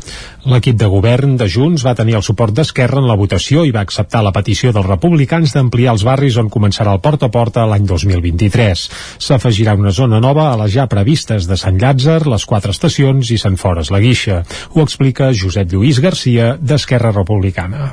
Aquests barris tenen una tipologia urbana molt concreta i específica. Són molt poc densos, estan formats per cases bàsicament unifamiliars. Trobem a faltar en aquesta prova pilot la possibilitat d'incorporar algun barri o bé una zona concreta de Vic que tingui una tipologia més densa en la seva, en la seva trama urbana. El vot de Capgirem i el PSC va ser en contra, però per motius diferents. Capgirem defensa el porta a porta, però no la gestió a través d'una concessió, i el PSC, que veu bé la delegació del servei, apostaria pels contenidors xipats. Escoltem a Carla Dinarès, de Capgirem Vic, i a Carme Tena, del PSC. Volem que aquest Ajuntament disposi de l'estructura i els mitjans necessaris per tenir una empresa municipal pública que gestioni els residus i en cas de que s'hagi de vehicular a, a través del Consell Comarcal que també es faci d'aquesta manera. Apostem pels contenidors intel·ligents que s'obren amb una tarja identificadora personalitzada. Amb aquest model hi veiem més avantatges que inconvenients per a la nostra ciutat i en termes econòmics no surt més car que el porta a porta. Amb el porta a porta, l'equip de govern es fixa l'objectiu de superar el 70% de recollida selectiva que fixa Europa de cara al 2030. Actualment, a la ciutat de Vic, aquest percentatge és del 58%. Aquest ple de l'Ajuntament de Vic va ser l'últim per a dues regidores, Susana Roura, de Junts per Catalunya, i Sandra Quiles, d'Esquerra Republicana. Roura, que aquest mandat era la regidora de Cultura, Turisme i Habitatge, deixa el consistori biguetà després de sis anys per la seva nova responsabilitat com a directora general d'Execució Penal a la Comunitat i de Justícia Juvenil juvenil al Departament de Justícia. A l'Ajuntament serà rellevada per Anna Alemany. Escoltem a Susana Roura en el ple de comiat. Han estat sis anys de regidora i servei al municipi que han esdevingut una de les experiències professionals més plaents de la meva vida. He gaudit molt, moltíssim de la meva feina. He intentat escoltar tothom i les decisions que podia prendre de forma unilateral ho he fet sempre pensant en què eren les més encertades en cada moment i en benefici de cadascuna de les regidories. Sandra Quílez, que havia entrat com a regidora el 2019, assumeix responsabilitats a la Junta de Vic Comerç i és per això que va decidir renunciar al grup municipal d'Esquerra. Sandra Quílez. I per això treballaré des de la Junta Directiva de Vic Comerç pel foment i difusió del comerç i la restauració de la nostra ciutat amb el compromís de continuar dinamitzant i reactivant els carrers i locals buits perquè nous eh, creadors i emprenedors amb els seus tallers i obradors vulguin instal·lar-se a la nostra ciutat. És el mínim que puc fer per aquesta ciutat que em va acollir, que respecto i que estimo. En lloc d'Aquiles, el grup d'Esquerra Republicana a l'Ajuntament de Vic l'ocuparà Albert Palou. I tornem ara a una codinenca, Sant Feliu de Codines. Tres infants de Caldes tornaran a ser els encarregats d'encendre l'allumenat de Nadal el dia 26 de novembre, que era el campàs des d'una codinenca. Sí, comença el compte enrere per encendre l'enllumenat de Nadal dels carrers de Caldes de Montbui. Les llums s'encendran el divendres 26 de novembre a les 6 de la tarda des de la plaça de la Font del Lleó i coincidiran també amb l'encesa de l'arbre de Nadal. Tot plegat forma part de la campanya Llums Nadal i Shopping Caldes que té l'objectiu de fomentar la compra als comerços de proximitat i que repetirà la fórmula que es va encetar l'any passat. Tres infants del poble escollits per sorteig seran els encarregats de fer l'encesa. La regidora de Comerç, Carme Germà, Germà explica com es farà aquest sorteig. Estem buscant tres nens de Caldes que vulguin il·luminar la plaça del Lleó, l'arbre de Nadal i que vulguin eh, donar llum en aquesta plaça. Els establiments de Caldes comencen ja a repartir els eh, tiquets per entrar en un sorteig. Aquest sorteig es farà el dia 22 de novembre a les 10 del matí. En aquest sorteig sortiran tres nens guanyadors i sis nens de reserva. I d'entre aquests nens ha de sortir els, els tres nens que il·luminaran la plaça el dia 26 de novembre a les 6 de la tarda. Triat a les 6 de la tarda perquè la plaça ja estarà muntada amb, amb la Fira de Nadal i en el mateix il·luminar a l'arbre i totes les els llums de la plaça el que farem també és il·luminar la Fira de Nadal. Llavors, eh, aquests nens realment aconseguiran que anem de negre al llum a tota la plaça. Fins al dissabte 20 de novembre, els comerços calderins repartiran 15.000 butlletes numerades per participar al sorteig i els nens han de tenir entre 6 i 12 anys per poder participar. Pel que fa a la il·luminació de Nadal dels carrers, serà la mateixa que l'any passat, que ja es va augmentar el nombre d'espais de forma significativa. Els llums s'instal·laran a les principals avingudes i centres comercials del nucli urbà, així com les entrades del municipi i dels barris interurbans. L'Ajuntament ha assumit el cost d'aquesta il·luminació que supera els 21.000 euros. Gràcies, Caral. Tal com explicàvem divendres a l'entrevista, Sant Pere de Vilamajor es transforma per viure al Vilamagore. Més de 300 voluntaris fan possible un viatge pel Vilamajor medieval del segle XII. Núria Lázaro, de Ràdio Televisió de Cardedeu. Sant Pere de Vilamajor. Tornem-hi, Núria. Sant Pere de Vilamajor s'ha transformat aquest cap de setmana en el Vilamajor medieval del segle XII. Aquesta va ser l'època d'esplendor del castell de Vilamajor, quan era la població més poblada del Vallès Oriental i seu de repòs dels comtes reis de Catalunya i Aragó. La festa ha permès endinsar-se a la Vilamagore del segle XII, quan al poble hi havia un palau comtal que era l'enveja de les viles veïnes, una parada obligada entre Barcelona i Girona en el camí cap a França, que comptava amb un mercat per abastir les seves necessitats bàsiques. Entre el juny de 1156 i l'abril de 1157, més de 100 persones de diferent condició social hi van fer estar d'ambaixadors, mercaders, pelegrins, serrains, jueus, cavallers i dels més destacats, el comte de Barcelona, Ramon Berenguer IV, i la seva esposa, la reina Peronella. I molt probablement hi va néixer el seu fill, Alfons I, rei d'Aragó. El Vilamagore ha transportat en el temps a totes les persones que s'han apropat a Sant Pere i han gaudit de les atraccions medievals, cercaviles de música i teatre de carrer, una ampliada zona de parades d'artesans i oficis i el tas del vi piment, el vi medieval català. Esports. I a l'àmbit esportiu, Pere Casacoberta, l'atleta usonenc l'any 1984 va guanyar el Campionat del Món de Cross Júnior, va rebre divendres l'homenatge del seu poble Gurb i també del món de l'esport. L'acte va incloure una taula rodona i la inauguració d'una exposició amb trofeus, fotografies i documents de la trajectòria esportiva de Casa Coberta. José Manuel Abascal, el primer atleta espanyol que va guanyar una medalla olímpica en una prova de pista, l'atleta paralímpica Helena Congost, Malció Mauri, el millor ciclista català dels anys 90 i Roger Puigbó, atleta en cadira de rodes, van acompanyar Pere Casa Coberta en l'homenatge que se li va fer divendres al seu municipi, a Gurb. Van seure junts en una taula moderada pel periodista Ramon Besa, en què van compartir opinions, intervencions i experiències en el món de l'atletisme. La gesta de Pere Casa Coberta, campió del món júnior de cross l'any 1984, continua sent única. Cap més atleta europeu ho ha aconseguit, ho explica el periodista Ramon Besa. Però el Pere va marcar un punt amb el, amb el campionat del món del 84 a Los Angeles eh, en quan l'esport i sobretot l'atletisme era una qüestió de pioners i de gent molt sols, o sigui un pagès que corre pels camps de Gurb i per la Plana un atleta càntabre que corre per, per, per Aragó i per Cantàbria un atleta com també era en el seu moment la Carmen Valero que corria per on podia i no hi havia l'organització que hi ha ara i de, i de vegades va bé recuperar la memòria per saber on érem i on estem ara, perquè hi ha un punt d'inflexió per mi que són els Jocs Olímpics de Barcelona, abans i després. L'homenatge a Pere Casa Coberta també inclou una exposició que es pot visitar encara a l'Ajuntament de Gurb. Gràcies, Jordi. Acabem aquí aquest repàs informatiu que començàvem a les 11 en companyia d'Isaac Muntades, Núria Lázaro, Jordi Sunyer i Caral Campàs.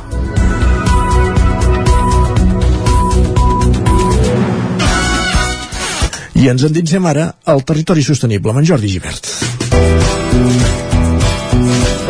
A falta de 3 minuts per un quart de 12, parlem d'energia. Coneixem la història de l'Electra i com ho fa per afrontar el preu de la llum.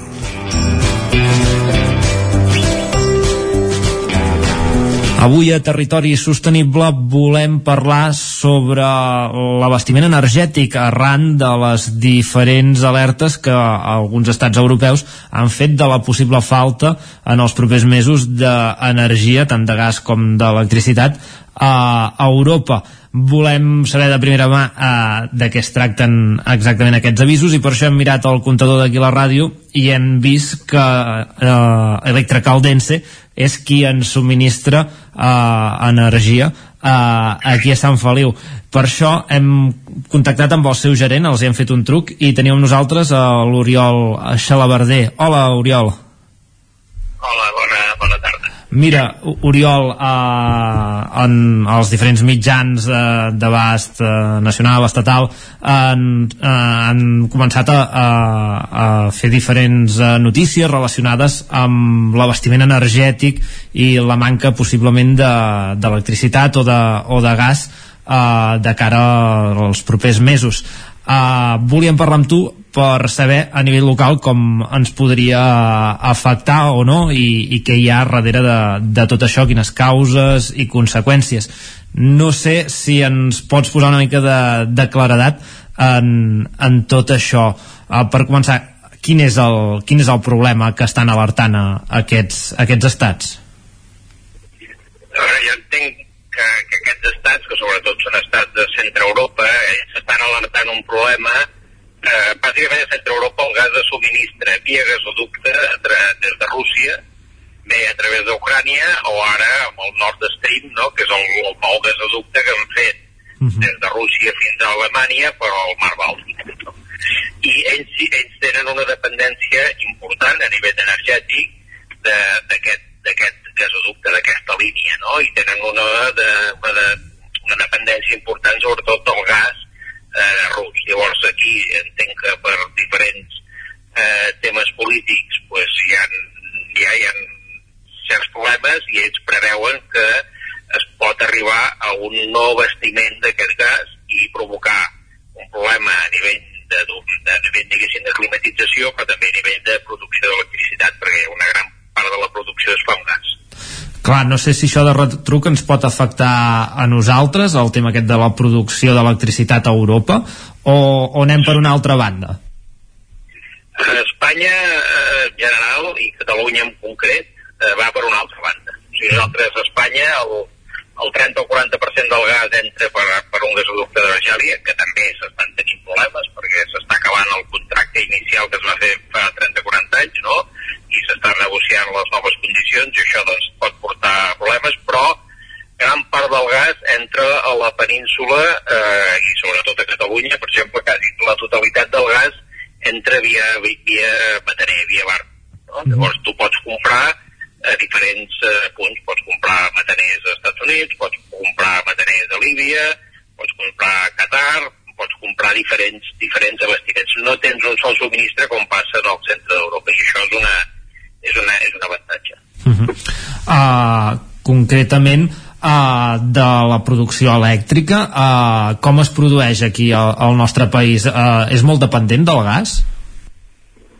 A veure, o sigui, l'energia amb gas actualment es deu estar fent un 15% de l'energia. Uh -huh. O sigui, no és que hi hagi una dependència molt gran a nivell de volum d'energia. El que passa que a nivell elèctric eh, la, la, o sigui, l'electricitat no s'emmagatzema, es produeix i es ven, no? I eh, com que eh, la gent consumeix, la gent, les indústries, tothom consumeix eh, eh, quan demanda, és una demanda, diguéssim, que, que, que, que, que el, diguéssim, a la nit baixa i llavors el matí torna a pujar. Per donar aquesta flexibilitat és important que hi hagi gas, que dona aquesta flexibilitat. Aquesta flexibilitat te donen dues tecnologies de producció, gas i el tema hidràulic a nivell de, de, de, de pantanos. Aquestes dues tecnologies poden donar aquesta flexibilitat actualment. I per tant el gas, tot i que en volum no és eh, l'energia que, que més es consumeix ni que més es fa per produir electricitat, sí que té una certa importància dintre del sistema elèctric. Per acabar de fer la radiografia, eh, ens comentaves que el gas era aquest 15%, hi havia la, la part d'hidroelèctriques, Uh, tema energies renovables uh, quin percentatge tindrien en el nostre uh, país de, de producció està molt enrere respecte a la resta d'Europa?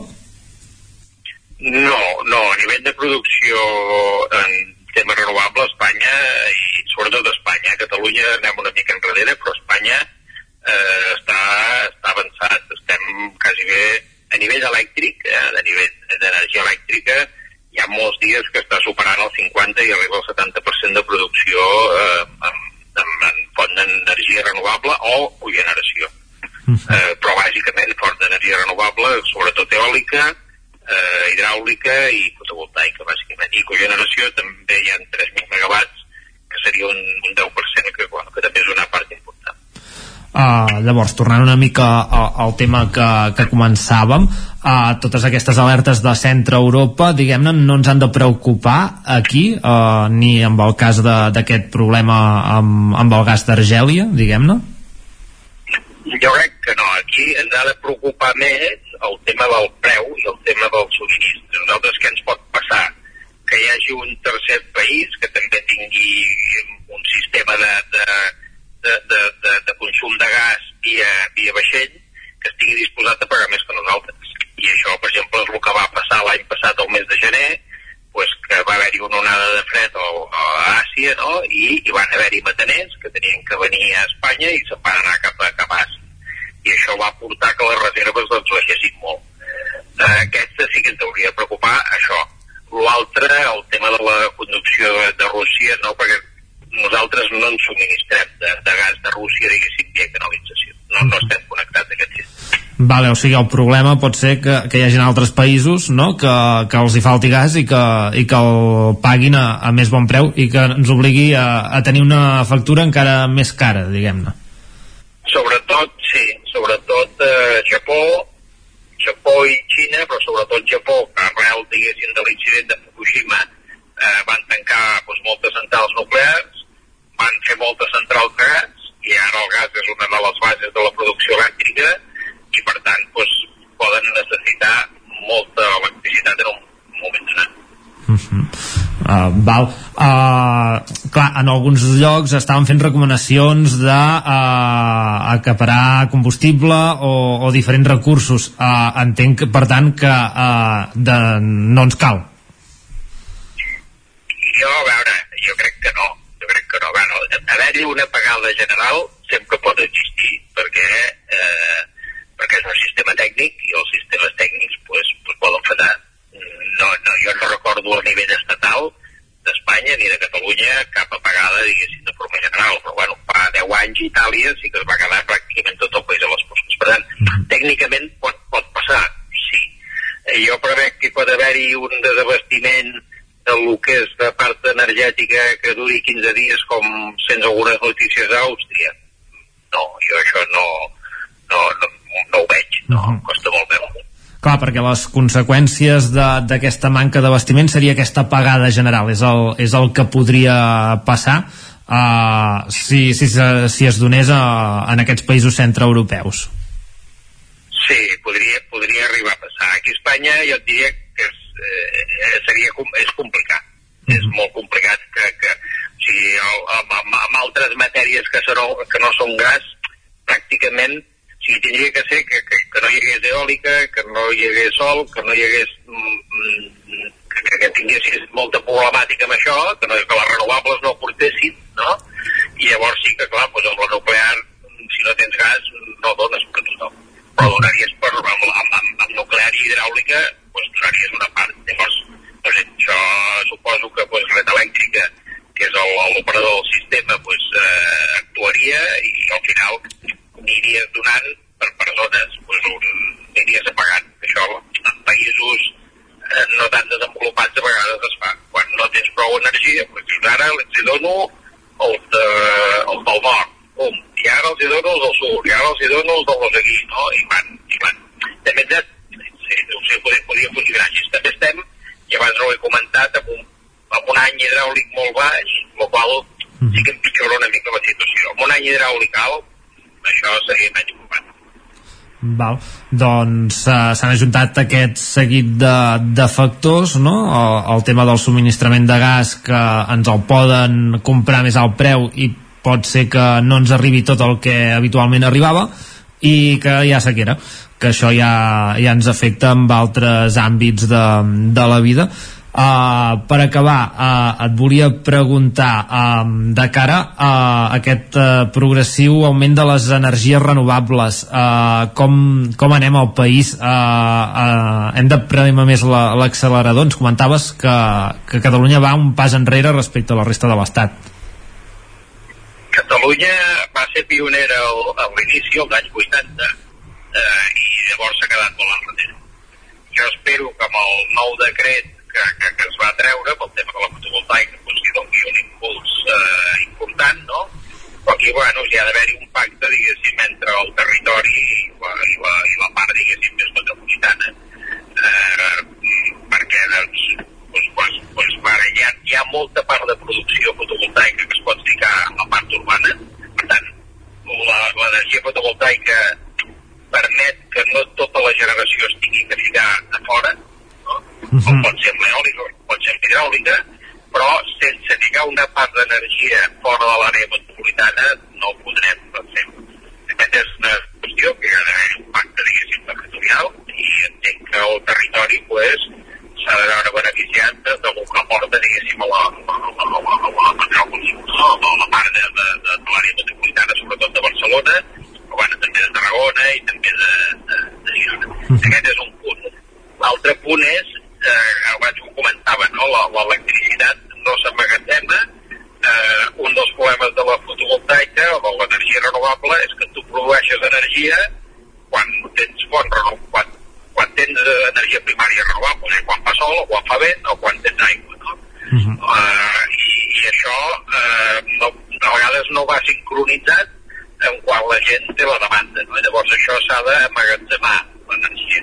I aquesta és una, solució, és una opció que, que s'està treballant molt, però que realment no està eh, solucionada des del punt de vista econòmic. Si des del punt de vista tècnic, els piles, evidentment, doncs, emmagatzemen energia, el hidrogen es pot generar hidrogen que ens podria actuar com a magatzem d'energia, però els costos que té fer això a data d'avui són molt, són molt elevats. I bueno, i que, i que és un camí que tindrem que seguir, perquè no hi ha més camí que, que seguir cap aquí, però, però vull dir que, que encara ens queda camí per recórrer. Molt bé, Oriol, moltes gràcies per, per atendre'ns i resoldre'ns uh, una mica uh, dubtes que a vegades en generen uh, els mitjans i, uh, i que ho puguem parlar aquí al territori sostenible. Tornarem a parlar amb tu uh, en una altra ocasió. Així és, però quan la vostra Moltes gràcies. Molt bé, i fins aquí el territori sostenible d'avui. Eh, tornem a repassar l'actualitat eh, dels nostres pobles i comarques amb els companys del Territori 17. Gràcies, Jordi, doncs, per acostar-nos a aquesta eh, realitat d'avui al territori sostenible, parlant d'energia amb l'Electra Caldense. Amb Jordi Givert, ja ho sabeu, cada dimecres coneixem una iniciativa de sostenibilitat, eh, una iniciativa empresarial lligada a la sostenibilitat eh, al territori. Avui parlàvem de- d'energia i de com es genera aquesta energia en el cas de eh, Electra Caldense, aquesta distribuïdora i comercialitzadora que, que distribueix eh, energia a Caldes i l'entorn. Tot seguit, al Territori 17 farem una petita pausa de 3 minuts, res, i tornarem a partir de dos quarts de 12 amb la traca final. Acabarem el programa, com cada dia, pujant a l'R3, ja ho hem dit des de primera del matí, un R3 que hi havia, com en altres línies, aquest matí, retards a causa d'una avaria al túnel de plaça Catalunya, a Barcelona, i també acabarem el programa amb la, ron, amb la roda cultural de cada dimecres per conèixer l'agenda des de les diferents redaccions de les emissores que conformem el Territori 17, com cada dia passarem per per Ràdio Cardedeu, per Ona Codinenca, per la veu de Sant Joan, per Ràdio Vic i per el 9 FM. Una pausa i, com dèiem, tornem amb l'R3 ara mateix, al Territori 17.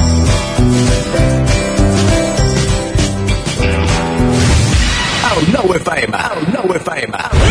El racó de León. Gaudeix de la nostra terrassa. Vine a tastar les xuletilles de lechal a la brasa amb una bona amanida o el xuletón de vedella gallega. No et pots perdre el nostre lechado de Castilla al forn o el cochinillo a l'estil de Segovia. Tot acompanyat del millor celler, al menjador o fora la terrassa. Descobreix la millor cuina de Lleó sense moure't de casa. Vine amb la família, els amics, la parella o sol. T'encantarà. El racó de León. Cuina tradicional lleonesa i de mercat. Som al carrer Torelló número 35 de Vic. Per reserves, telèfon 93 889 1950. El racó de León, una cuina diferent. Som especialistes en cargols a la llauna. Vine a tastar-los al racó de León. Saps què és el confort intel·ligent? És tenir un terra radiant Giacomini a casa. Benestar que no es veu, però es nota tot l'any. I que pots controlar a distància des del teu mòbil, estalviant energia i diners. Suma't al confort intel·ligent amb Giacomini. Informa't a giacomini.es o truca al 93 884 1001 i t'ajudarem a tenir un terra radiant a casa o a l'oficina. Giacomini, la climatització que et mereixes.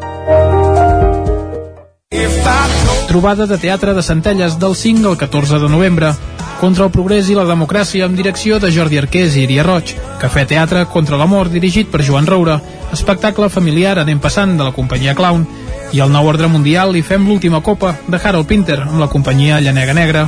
Trobada de teatre de Centelles. Consulta els horaris i reserva la teva entrada a centelles.cat. A Corretja tenim tot el que necessites per la teva llar. Tot tipus de paviments i revestiments, sistemes d'aïllament, cobertes, parquets, aixetes, ferreteria, pintures, fixació i cargoleria, vestuari i material de seguretat. Disposem de més de 3.500 metres quadrats d'exposició amb una nova zona exterior d'aïllaments. A Corretja som especialistes en cuines i banys. Us assessorem, dissenyem i realitzem el projecte des de l'inici fins a la fi del muntatge.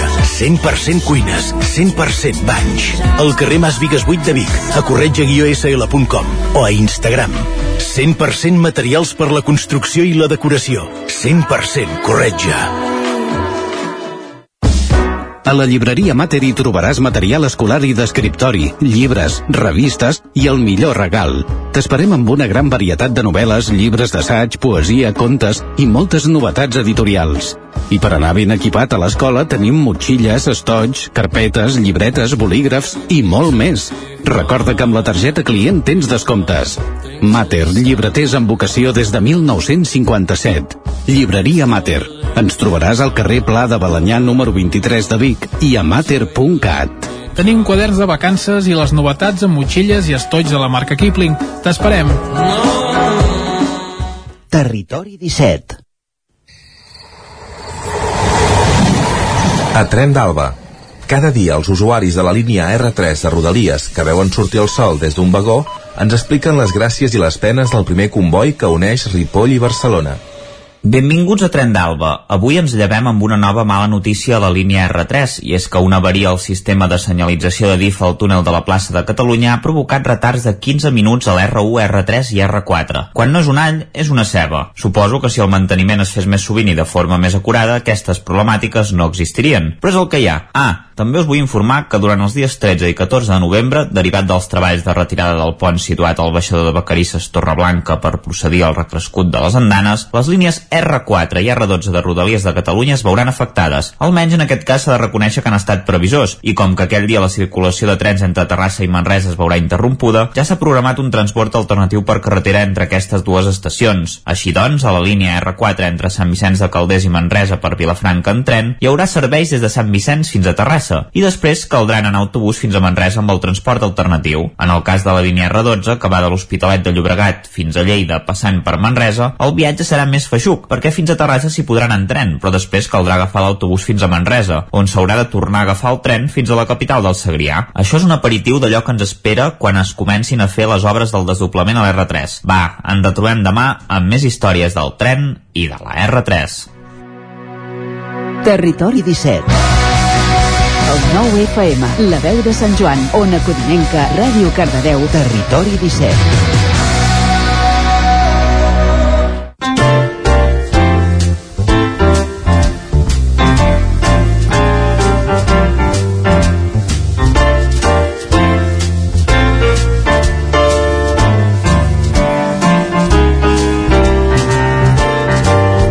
Passen dos minuts a dos quarts de dotze i a la recta final del territori 17, com cada dimecres, fem un repàs per l'agenda cultural de les propers dies, inclòs el cap de setmana, òbviament. I comencem aquest repàs, com sempre, des de la redacció de Ràdio Cardedeu amb l'Òscar Muñoz. Aquí ja tenim situat en el micròfon. Òscar, bon dia.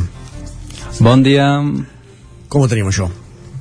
Doncs portem l'agenda carregada d'activitats per aquest, aquesta setmana. Així m'agrada. I si voleu, sí, doncs comencem aquí, eh, dijous mateix a les 8 a Cardedeu arriba el documental del mes a l'Esbarjo eh, en un, un documental anomenat Lobster Soup. És, dura 96 minutets i doncs, transcorren entre Espanya, Islàndia i Lituània, on dos germans anomenats Krilli i el seu germà Ali, doncs, amb uns vells pescadors, l'últim boxejador de l'illa i el traductor del Quixot a l'irlandès, eh, cada dia es troben en una en una solució als grans problemes del món. Sempre doncs, intenten trobar aquestes solucions eh, entre aquests eh, aquests personatges i això, doncs podem veure el documental en versió original de l'irlandès i anglès amb subtítols del català, castellà i anglès i si no, dissabte a les 8 al Teatre Auditori de Cardedeu eh, tenim l'obra Accions de Resistència guardonada amb el Premi BVA al Teatre 2020 uh -huh. i aquesta obra doncs, barreja la creació eh, documental de l'espai escènic i el text. Tot plegat doncs, per fer una reflexió sobre la incertesa i la crítica del sistema econòmic. Aquesta obra de la Susana Barranco la podem trobar des de 10 euros a les taquilles al Teatre Auditori de Cardedeu. Si no, de Cardedeu ens aniríem ja cap a Llinars, on aquesta, en aquest divendres faran dins del Culturament, uh -huh. una quinzena de cultura i l'art al servei de, bueno, de la salut mental i doncs, hi haurà com uns tallers divendres pel matí de 10 a, a una del migdia a la sala Montseny del Teatre Auditori de Llinars. Faran uns tallers intensius de dansa integradora a càrrec de la Sara Gómez eh, ballarina, professora de dansa i especialista en dansa integrada. Així que, doncs, això seria divendres eh, de 10 a 1 i després divendres a les 8 del vespre faran un petit cinefòrum amb la projecció de la pel·lícula El Padre. A l'acabar la projecció eh, faran una petita conversa a càrrec de la Fundació Pasqual Maragall.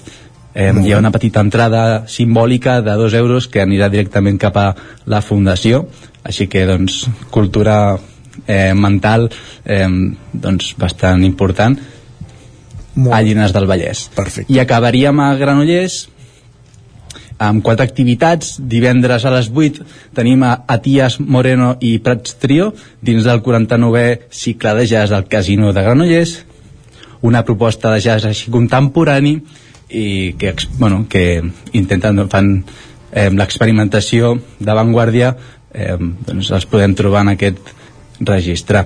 Això ho podem trobar al casino de, de, de del Club de Jazz de, de Granollers. Des de 8 euros a, a taquilla el mateix divendres abans que comenci eh, l'espectacle i divendres també, bueno, divendres, dissabte i diumenge durant tot el cap de setmana arriba al Microteatre a Granollers, un projecte de creació escènica organitzat per la Roca Humbert i l'Espai Escènic espai de creació que planteja doncs, per vuitena vegada la representació de petites obres teatrals en espai singular de la Roca Humbert. Eh, hi haurà quatre obres que es representaran eh, els tres dies. Eh, podrem veure un, un quadre de Hopper del Daniel Casanovas el nostre riu del Juan Jiménez Cuida't, cuida't, cuidem-nos de la Maria Rodríguez i Frida del Xavier Alomà això serà divendres i dissabte eh, a les 8 del vespre i diumenge a les 6 de la tarda Perfecte. I acabem amb dues propostes del Teatre Auditori de Granollers. Tant dissabte eh, tenim Bajau, un espectacle que transcorre amb els artistes en joc eh, amb el joc constant amb l'aigua.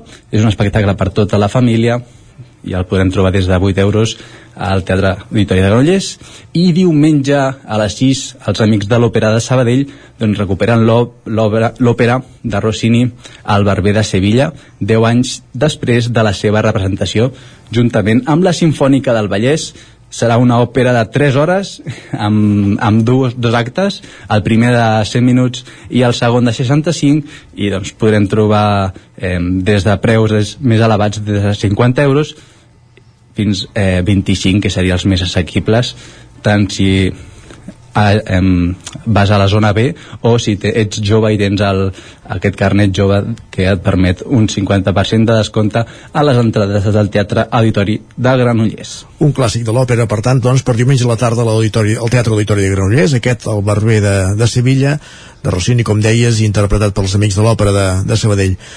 Gràcies, Òscar. Amb això ens quedem. Molt bé. Fins la propera, bon dimecres. Anem de Cardedeu fins a Ona Codinenca, Sant Feliu de Codines, amb la Caral Campàs. Bon dia de nou. I explica'ns, Caral, com tenim l'agenda per aquests propers dies.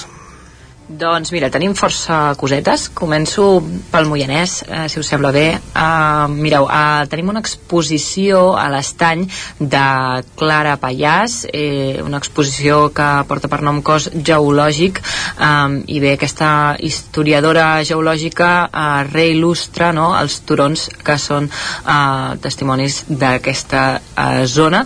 Um, aquesta exposició es podrà veure fins al 30 de novembre i uh, aquest cap de setmana hi ha la inauguració. Serà diumenge a les 12 del migdia a la sala polivalent de la Casa de Cultura de l'Estany, aquesta exposició de Clara Pallàs. I també al Moianès tenim una altra activitat durant tot el cap de setmana, en aquest cas és a Granera, a la festa Viu l'Ecomuseu del Moianès. Mm, tant dissabte com diumenge hi ha diverses activitats coincidint amb la festa major d'hivern de Sant Martí, Uh -huh. us destaco algunes de les activitats uh, dissabte hi haurà a les uh, 6 de la tarda al Casal una taula rodona on es parlarà sobre l'incendi del 2003 que hi va haver a Granera, vist 18 anys eh, després. Eh, també a les 8 del vespre a l'església de Sant Martí hi ha concert amb el grup El So de les eh, Caves, eh, que hi haurà també un tas de vins del Moianès a l'acabar. Això dissabte també hi ha altres activitats, eh, es pot trobar doncs, al web del Consell Comarcal del Moianès. I diumenge eh, hi haurà a les 11 del matí l'acte central eh, al Casal eh, hi haurà la presentació del projecte de restauració de l'edifici de l'antic cremador de Castellterçol com a centre d'interpretació de l'Ecomuseu i bé, les activitats acabaran a dos quarts de sis de la tarda al casal amb, eh, amb un concert de fi de festa amb el grup Stempel Bar. Això pel que fa al Moianès. Després me'n vaig a, cap al Vallès eh, concretament a Vigues i Riells del Fai. Aquí tenim una proposta cinematogràfica aquest divendres a les 8 del vespre al Teatre Auditori Polivalent en el marc doncs, doncs del cicle Gaudí hi haurà la projecció de la pel·lícula Donde caben dos. Um, bé, es poden reservar entrades a través del web de l'Ajuntament o també el mateix dia es poden adquirir al Teatre Auditori Polivalent. Eh, me'n vaig cap a Sant Feliu de Codines aquí tenim dues propostes teatrals i una conferència um, aquest dissabte a les 6 de la tarda um, hi ha l'obra teatral Les sirenes són calves a càrrec de Cia Deliri. Uh, serà, com deia, aquest dissabte a les 6 de la tarda al centre cívic La Fonteta i ha la venda d'entrades a través d'Entràpolis que tenen un preu de 4 euros. Això dissabte i l'endemà diumenge també hi ha una proposta teatral en aquest cas de la mà del grup de teatre amateur de Sant Feliu de Xelles 81 que presenta a uh, La Fuita. Això serà a partir de les 7 de la tarda al Casal Cultural Codinenc. També a Sant Feliu ja segueix, bueno, ja la última de les conferències d'aquest cicle de conferències de tardor, un cicle que s'ha organitzat en col·laboració entre uh, la Biblioteca Joan Petit i Aguilar i el Museu Municipal Can Xifreda. Uh, doncs aquesta última d'aquestes tres conferències de tardor serà aquest divendres, 12 de novembre, a dos quarts de vuit del vespre, eh, que en Manuel Sánchez ens parlarà dels mots de Sant Feliu.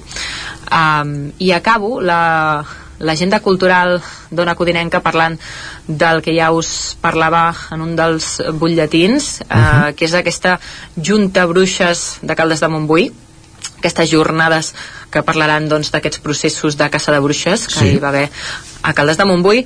Clar, hi haurà moltes activitats eh, durant aquest cap de setmana, us en destaco algunes també.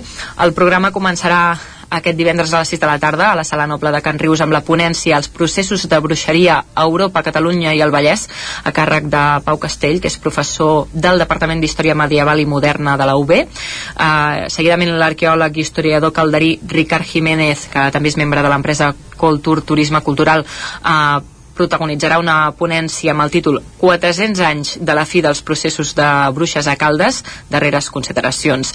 Um, dissabte a dos quarts de 12 del migdia a la plaça de la Font del Lleó serà el punt d'inici de la ruta teatralitzada Camins de Bruixes, que passarà per diferents llocs clau doncs, d'aquest procés on es van um, assassinar 12 dones calderines acusades de bruixeria, una d'elles es va escapar, uh, van ser 13 calderines doncs, uh, acusades de bruixeria al 1619 i també dissabte a les 5 de la tarda a la plaça del Parc de Can Rius hi haurà l'espectacle de contes i llegendes per infants Terra de Bruixes a càrrec de Lídia Clua i mitja hora més tard el Museu Termàlia oferirà una partida de, de l'Escape Tour també ambientat en tot això eh, per participar-hi doncs cal reservar trucant al Museu Termàlia i acabo doncs aquest repàs d'aquesta programació eh, de, eh, pel que fa a Bruixes i, i Caldes.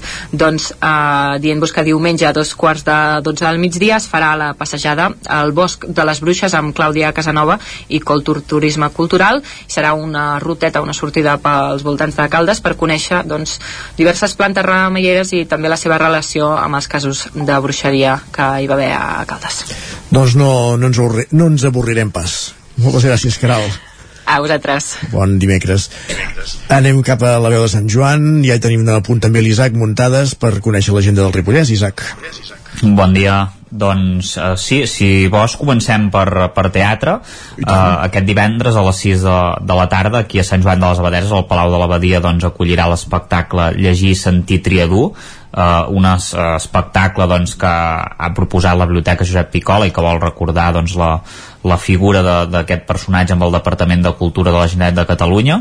Uh, d'aquest ribetà doncs, il·lustre que va morir fa 11 anys amb motiu de la commemoració de, del centenari del seu naixement i llegir Sentir Triadú és un espectacle de petit format que alterna veu i música en directe que està basat doncs, en la figura d'aquest pedagog, d'aquest crític literari i activista cultural i que està compost per una selecció de, text, de textos del propi Joan Triadú o a propòsit de la seva figura eh, per personatges bastant famosos també com Salvador Espriu, Mercè Rodoreda, Ventura Gassol o, o Joan Josep Isern L'espectacle té uns 45 minuts de, de durada i el guió doncs, és de David Paloma i té com a intèrprets el mateix guionista i Alba com a Òlives eh, a la guitarra i flauta travessera i Lídia Vilà, eh, Vila al saxofon. Eh, pel que fa a les músiques es fan versions de temes de Pau Casals, de, de Jimmy Fontana, també de Lluís Llach o d'Antoni Rodríguez Sabanés, eh, Ed Sheeran, més modern i, i, i fins i tot Charango, vull dir, també té un toc eh, Sant Joaní.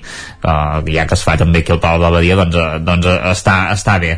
Molt bé, i tant. Uh, Després, aquest divendres, també, a dos quarts de nou del vespre, al Teatre Comtal de Ripoll es farà una nova representació del cicle de teatre íntims que es titula Elda i Daniel i que és un nou exercici d'intimitat teatral del mateix equip que durant cinc anys doncs, va emocionar el públic amb, amb una altra obra que es deia Aventura.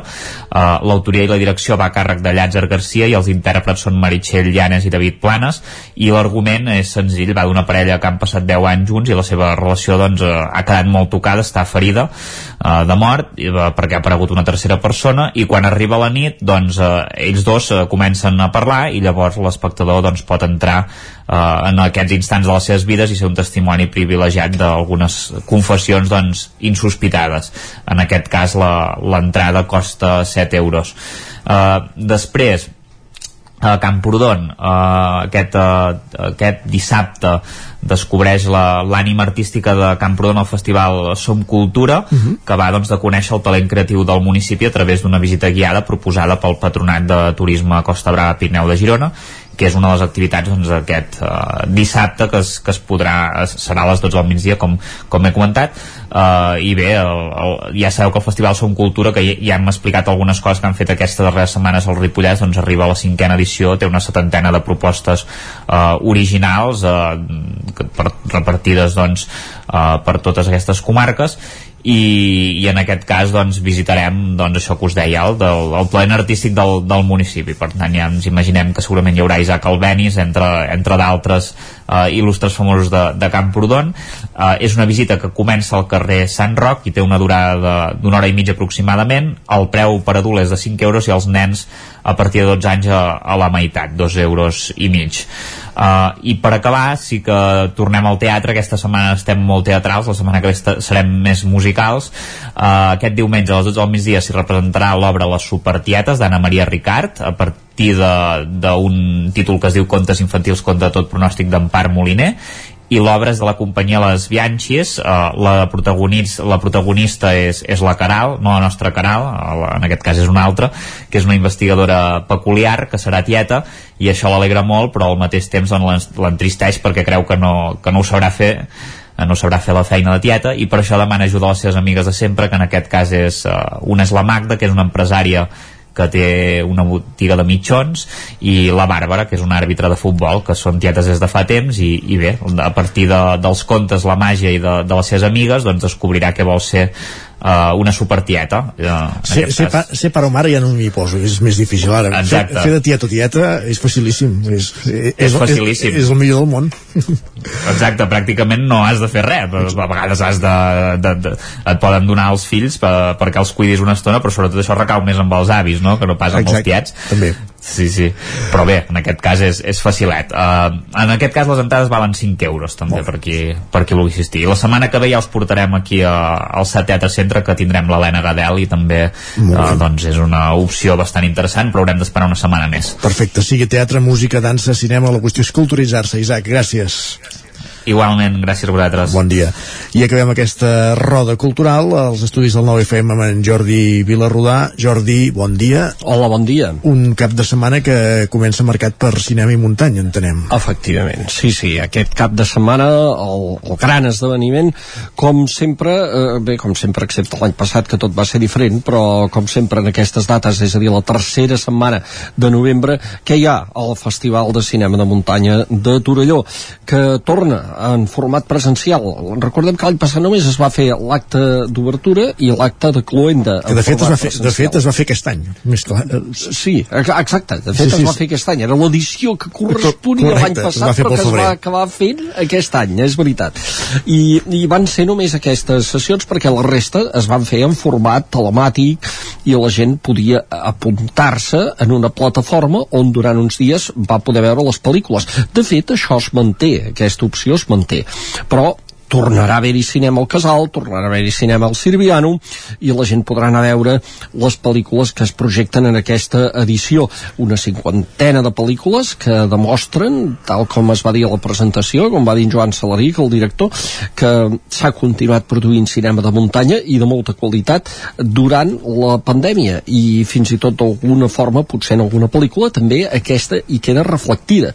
Hi ha una preselecció de 47 films de 17 països diferents que estaran en la secció competitiva que es podrà veure en aquests dos escenaris. Aquests eh, films opten per emportar-se evidentment el, el, el gran premi que és la, la, la Flor de Neu d'Or que és el, el gran trofeu del festival eh, ha anat creixent la part diguem de cultura de muntanya en Joan Salaric sempre diu que aquest és un festival de cinema, no una trobada d'esportistes, encara que també ho acabi sent, però és un festival de cinema i en els últims anys ha volgut expressament potenciar eh, la, la part documental, és a dir, que no és només d'un fet d'haver pujat tal muntanya, d'haver fet tal aventura, sinó de reflectir d'alguna manera com viuen persones que viuen en determinats jocs del món eh, marcats per la muntanya, etc. Aquestes pel·lícules són les que es fan al casal i de fet ara ja pràcticament suposen la meitat del festival. És, és una evolució doncs, que s'ha anat seguint i que segurament indica també quines són les preferències dels realitzadors també. Uh mhm. -huh. Llavors, eh, ara, és clar, evidentment, no podem detallar tot el que es fa a Torelló fins al dia 21 de novembre, perquè són tots aquests dies de cinema. Només, eh, o sigui, ara direm que, que el, el festival s'inaugura amb la sessió inaugural, òbviament, aquest, dis, aquest divendres a les 9 del vespre eh, hi ha un viatge cinematogràfic que es proposa doncs, cap a l'Antàrtida. L'Antàrtida és el, el, el territori del món que podríem dir que centra, que és el convidat, diguem, d'aquesta edició, ja sabem que les últimes edicions es va centrant en diferents llocs del món, a la Patagònia, s'ha passat per diferents llocs. I ara aquest és l'Antàrtida. Hi haurà mm, convidats doncs, en una sessió eh, eh, sobre, sobre el continent gelat amb el geòleg i alpinista Francesc Sàbat, amb l'oceanògraf Rafael Simó i una de les pioneres dels viatges a l'Antàrtida, la, la Marta Estrada. Ella va estar en moltes de les expedicions a l'Antàrtida de la famosa Josefina Castellví, que per motius de salut ella no pot ser en aquests actes, però eh, que hi serà present també. I eh, tot això, a més a més, amb imatges i amb música del pianista Pep Cols. Eh, això és la sessió inaugural, eh? Després, a partir d'aquí, doncs, el dissabte i diumenge hi ha projeccions i, a més a més, activitats paral·leles, com, per exemple, dissabte la, la mostra Torelló Mountain Wines, que és eh, de, de vins elaborats en zones de muntanya, que també anat convertint en un dels de, dels ja diríem clàssics del festival um, ara només hem fet aquesta pinzellada que tothom es miri la web del festival la programació perquè llavors hi ha projeccions cada dia de la setmana fins al dissabte de la setmana vinent que és el dia que s'entregaran els premis d'aquest festival que torna en format ja plenament presencial. Aquesta cita que comentaves al Trolló Mountain Wines de eh, dissabte més arriba amb una sorpresa arriba amb una sorpresa? Sí, a veure. perquè tu les... ja saps més. Ja sé coses. Saps més coses. La sessió, hi ha, hi ha dues sessions de, de tas de, de vins unes sessions guiades de tas de vins acompanyades de música. En aquest cas serà amb la música en directe del Petit de Calaril però vaja, continuem, que en tot cas si tenim temps ja escoltarem la música del Petit molt bé, molt bé, doncs uh, bon apunt, bon apunt. I la, uh, I la Carla Serrat com a fi de festa, mare de Déu senyor. Fantàstic, fantàstic. Doncs anem, anem, per més, anem per més coses. Uh, per exemple, anem a l'Atlàntida, perquè l'Atlàntida, uh, el mateix dia que s'inaugura el Festival de Cinema de Muntanya, hi ha, uh, hi ha dansa, hi ha dansa barroca, basada en música barroca, vaja.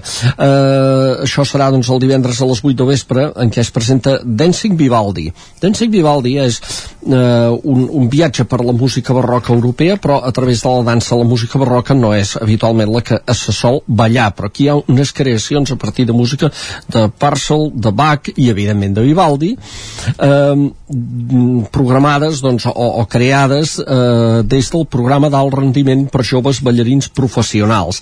Això és una iniciativa molt interessant, impulsada a Terrassa que pretén que, que els joves ballarins es pugui, de clàssica, de dansa clàssica, es puguin quedar aquí, perquè normalment aquests ballarins han de marxar a guanyar-se la vida fora de Catalunya. Doncs eh, que, que es puguin anar quedant aquí i crear una companyia professional. Uh, la part musical estarà a càrrec de l'Orquestra Simfònica Victòria dels Àngels, de l'Orfeó Lleidatà i la dansa doncs, d'aquests joves ballarins. Val molt la pena donar-hi suport també a aquesta iniciativa perquè persegueix la professionalització valorització d'un sector de les arts escèniques que normalment, diguem, a vegades a, a, malauradament ha de fer de parent pobre, per entendre'ns. Uh -huh. eh, també a l'Atlàntida, i no ens movem d'aquí, el dissabte a les 8 del vespre tindrem l'Ildami, que de fet ja havia de venir a actuar l'any passat, en un d'aquells moments en què es va haver de suspendre, presentant l'Ildami, eh, diguem que s'ha convertit en un símbol de la música urbana a Catalunya, tot i que ara ha evolucionat una mica més cap al pop en aquest disc que presenta aquí, que es diu Viatge en Espiral, que és el seu últim treball que es va publicar justament al gener d'aquest any. Ja fa 20 anys, no existeix l'hivern i no baixem de 30 graus. Hem perdut aquesta gran batalla menys Més qüestions. I amb Lil Dami. Eh, anem per la trobada de Teatre Amateur de Centelles, perquè eh, aquesta trobada ja ha començat la setmana passada i eh, continua aquesta setmana.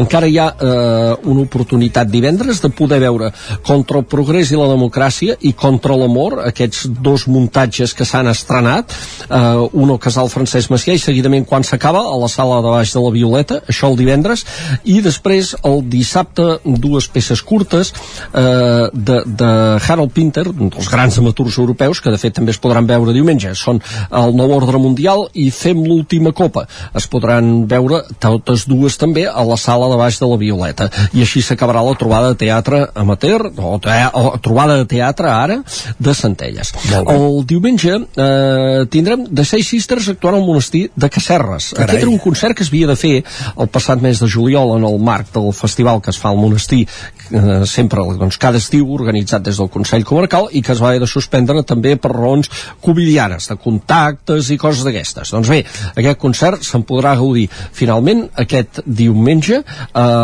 en què les Seis Sisters actuaran a Sant Pere de Casserres presentant el seu últim disc que és el We Got, you, We Got Your Back i ara també la sentim estem a fons, avui, eh? a fons. Va, aquí és, tenim molta música avui, tenim molta música. Uh, la que no hi ha al Ripollès, eh, que allà només tenen teatre, doncs mira, tota la música la tenim aquí a la plana. Oh, aquí també teatre molt, eh? Teatre molt perquè ens faltava parlar d'una estrena, d'una estrena que es diu, l'obra és eh, cos, el muntatge, vaja, és coses que dèiem avui del dramaturg Neil Labut, que és un dels grans dramaturgs contemporanis. És un muntatge presentat per ETC Teatre, la companyia doncs, que té la seu a l'ETC, i que ara, evidentment, eh, eh, com que l'obra de reforma de l'ETC ja està feta, pot tornar al seu escenari. És la primera estrena doncs, que fan des de que es va fer aquesta obra de reforma, dirigida l'obra per, per Pep Simón. De fet, dèiem muntatge més que obra perquè són com tres obres, o sigui, són, eh, són tres, tres muntatges sobre tres històries de tres parelles, de tres situacions íntimes que passen en tres restaurants i que formen doncs, aquest conjunt, eh, coses que dèiem avui que de fet ve del, del títol d'una cançó dels, dels Beatles, tres situacions diferents que es podran veure en aquest muntatge protagonitzat per diferents actors usonencs i sota la direcció de Pep Simon. Eh, divendres, dissabte a les 8 del vespre i diumenge a les 6 de la tarda al renovat ETC. Molt bé. I anem acabant. Em sembla que anem 20 justets, tenim 20 justets, però, però hem de recordar que va seguint el Festival de Titelles de Call d'Atenes. Perfecte. Uh, aquest diumenge amb Zipit Company, amb Jai el Mariner, el diumenge a les 6 de la tarda, espectacles per públic familiar, i que comença també el cicle de concerts de l'embalat de Sant Pere, de Sant Pere de Torelló. Diumenge a les 7 de la tarda, un quartet de música Barbershop, uh, Metropolitan Union. Barbershop és, són quartets vocals d'aquests d'homes i Barbershop ve de què eh, té el seu origen, les cançons que cantaven els homes a la barberia. Molt interessant aquest concert. Uh, en el quartet Metropolitan Union hi ha algun usonenc, a més a més. El diumenge a les 7 de la tarda a l'embalat de Sant Pere iniciant aquest cicle. I ara sí, em sembla ja no devem tenir temps de res més. oi? Gràcies, Jordi. Molt bé. Parlem la setmana que ve. I acabem aquí el territori 17 d'avui, dimecres 10 de novembre. Clàudia Dinarès, Pepa Costa, Jordi Givert, Jordi Vilarrudà, Caral Campàs, Núria Lázaro, Isaac Muntades, Òscar Muñoz, Jordi Sunyer i Isaac Moreno. I tornem demà a les 9 del matí. Adéu-siau. Territori 17, un magazín del nou FM. La veu de Sant Joan, Ona Codinenca i Ràdio Cardedeu amb el suport de la xarxa. El nou FM.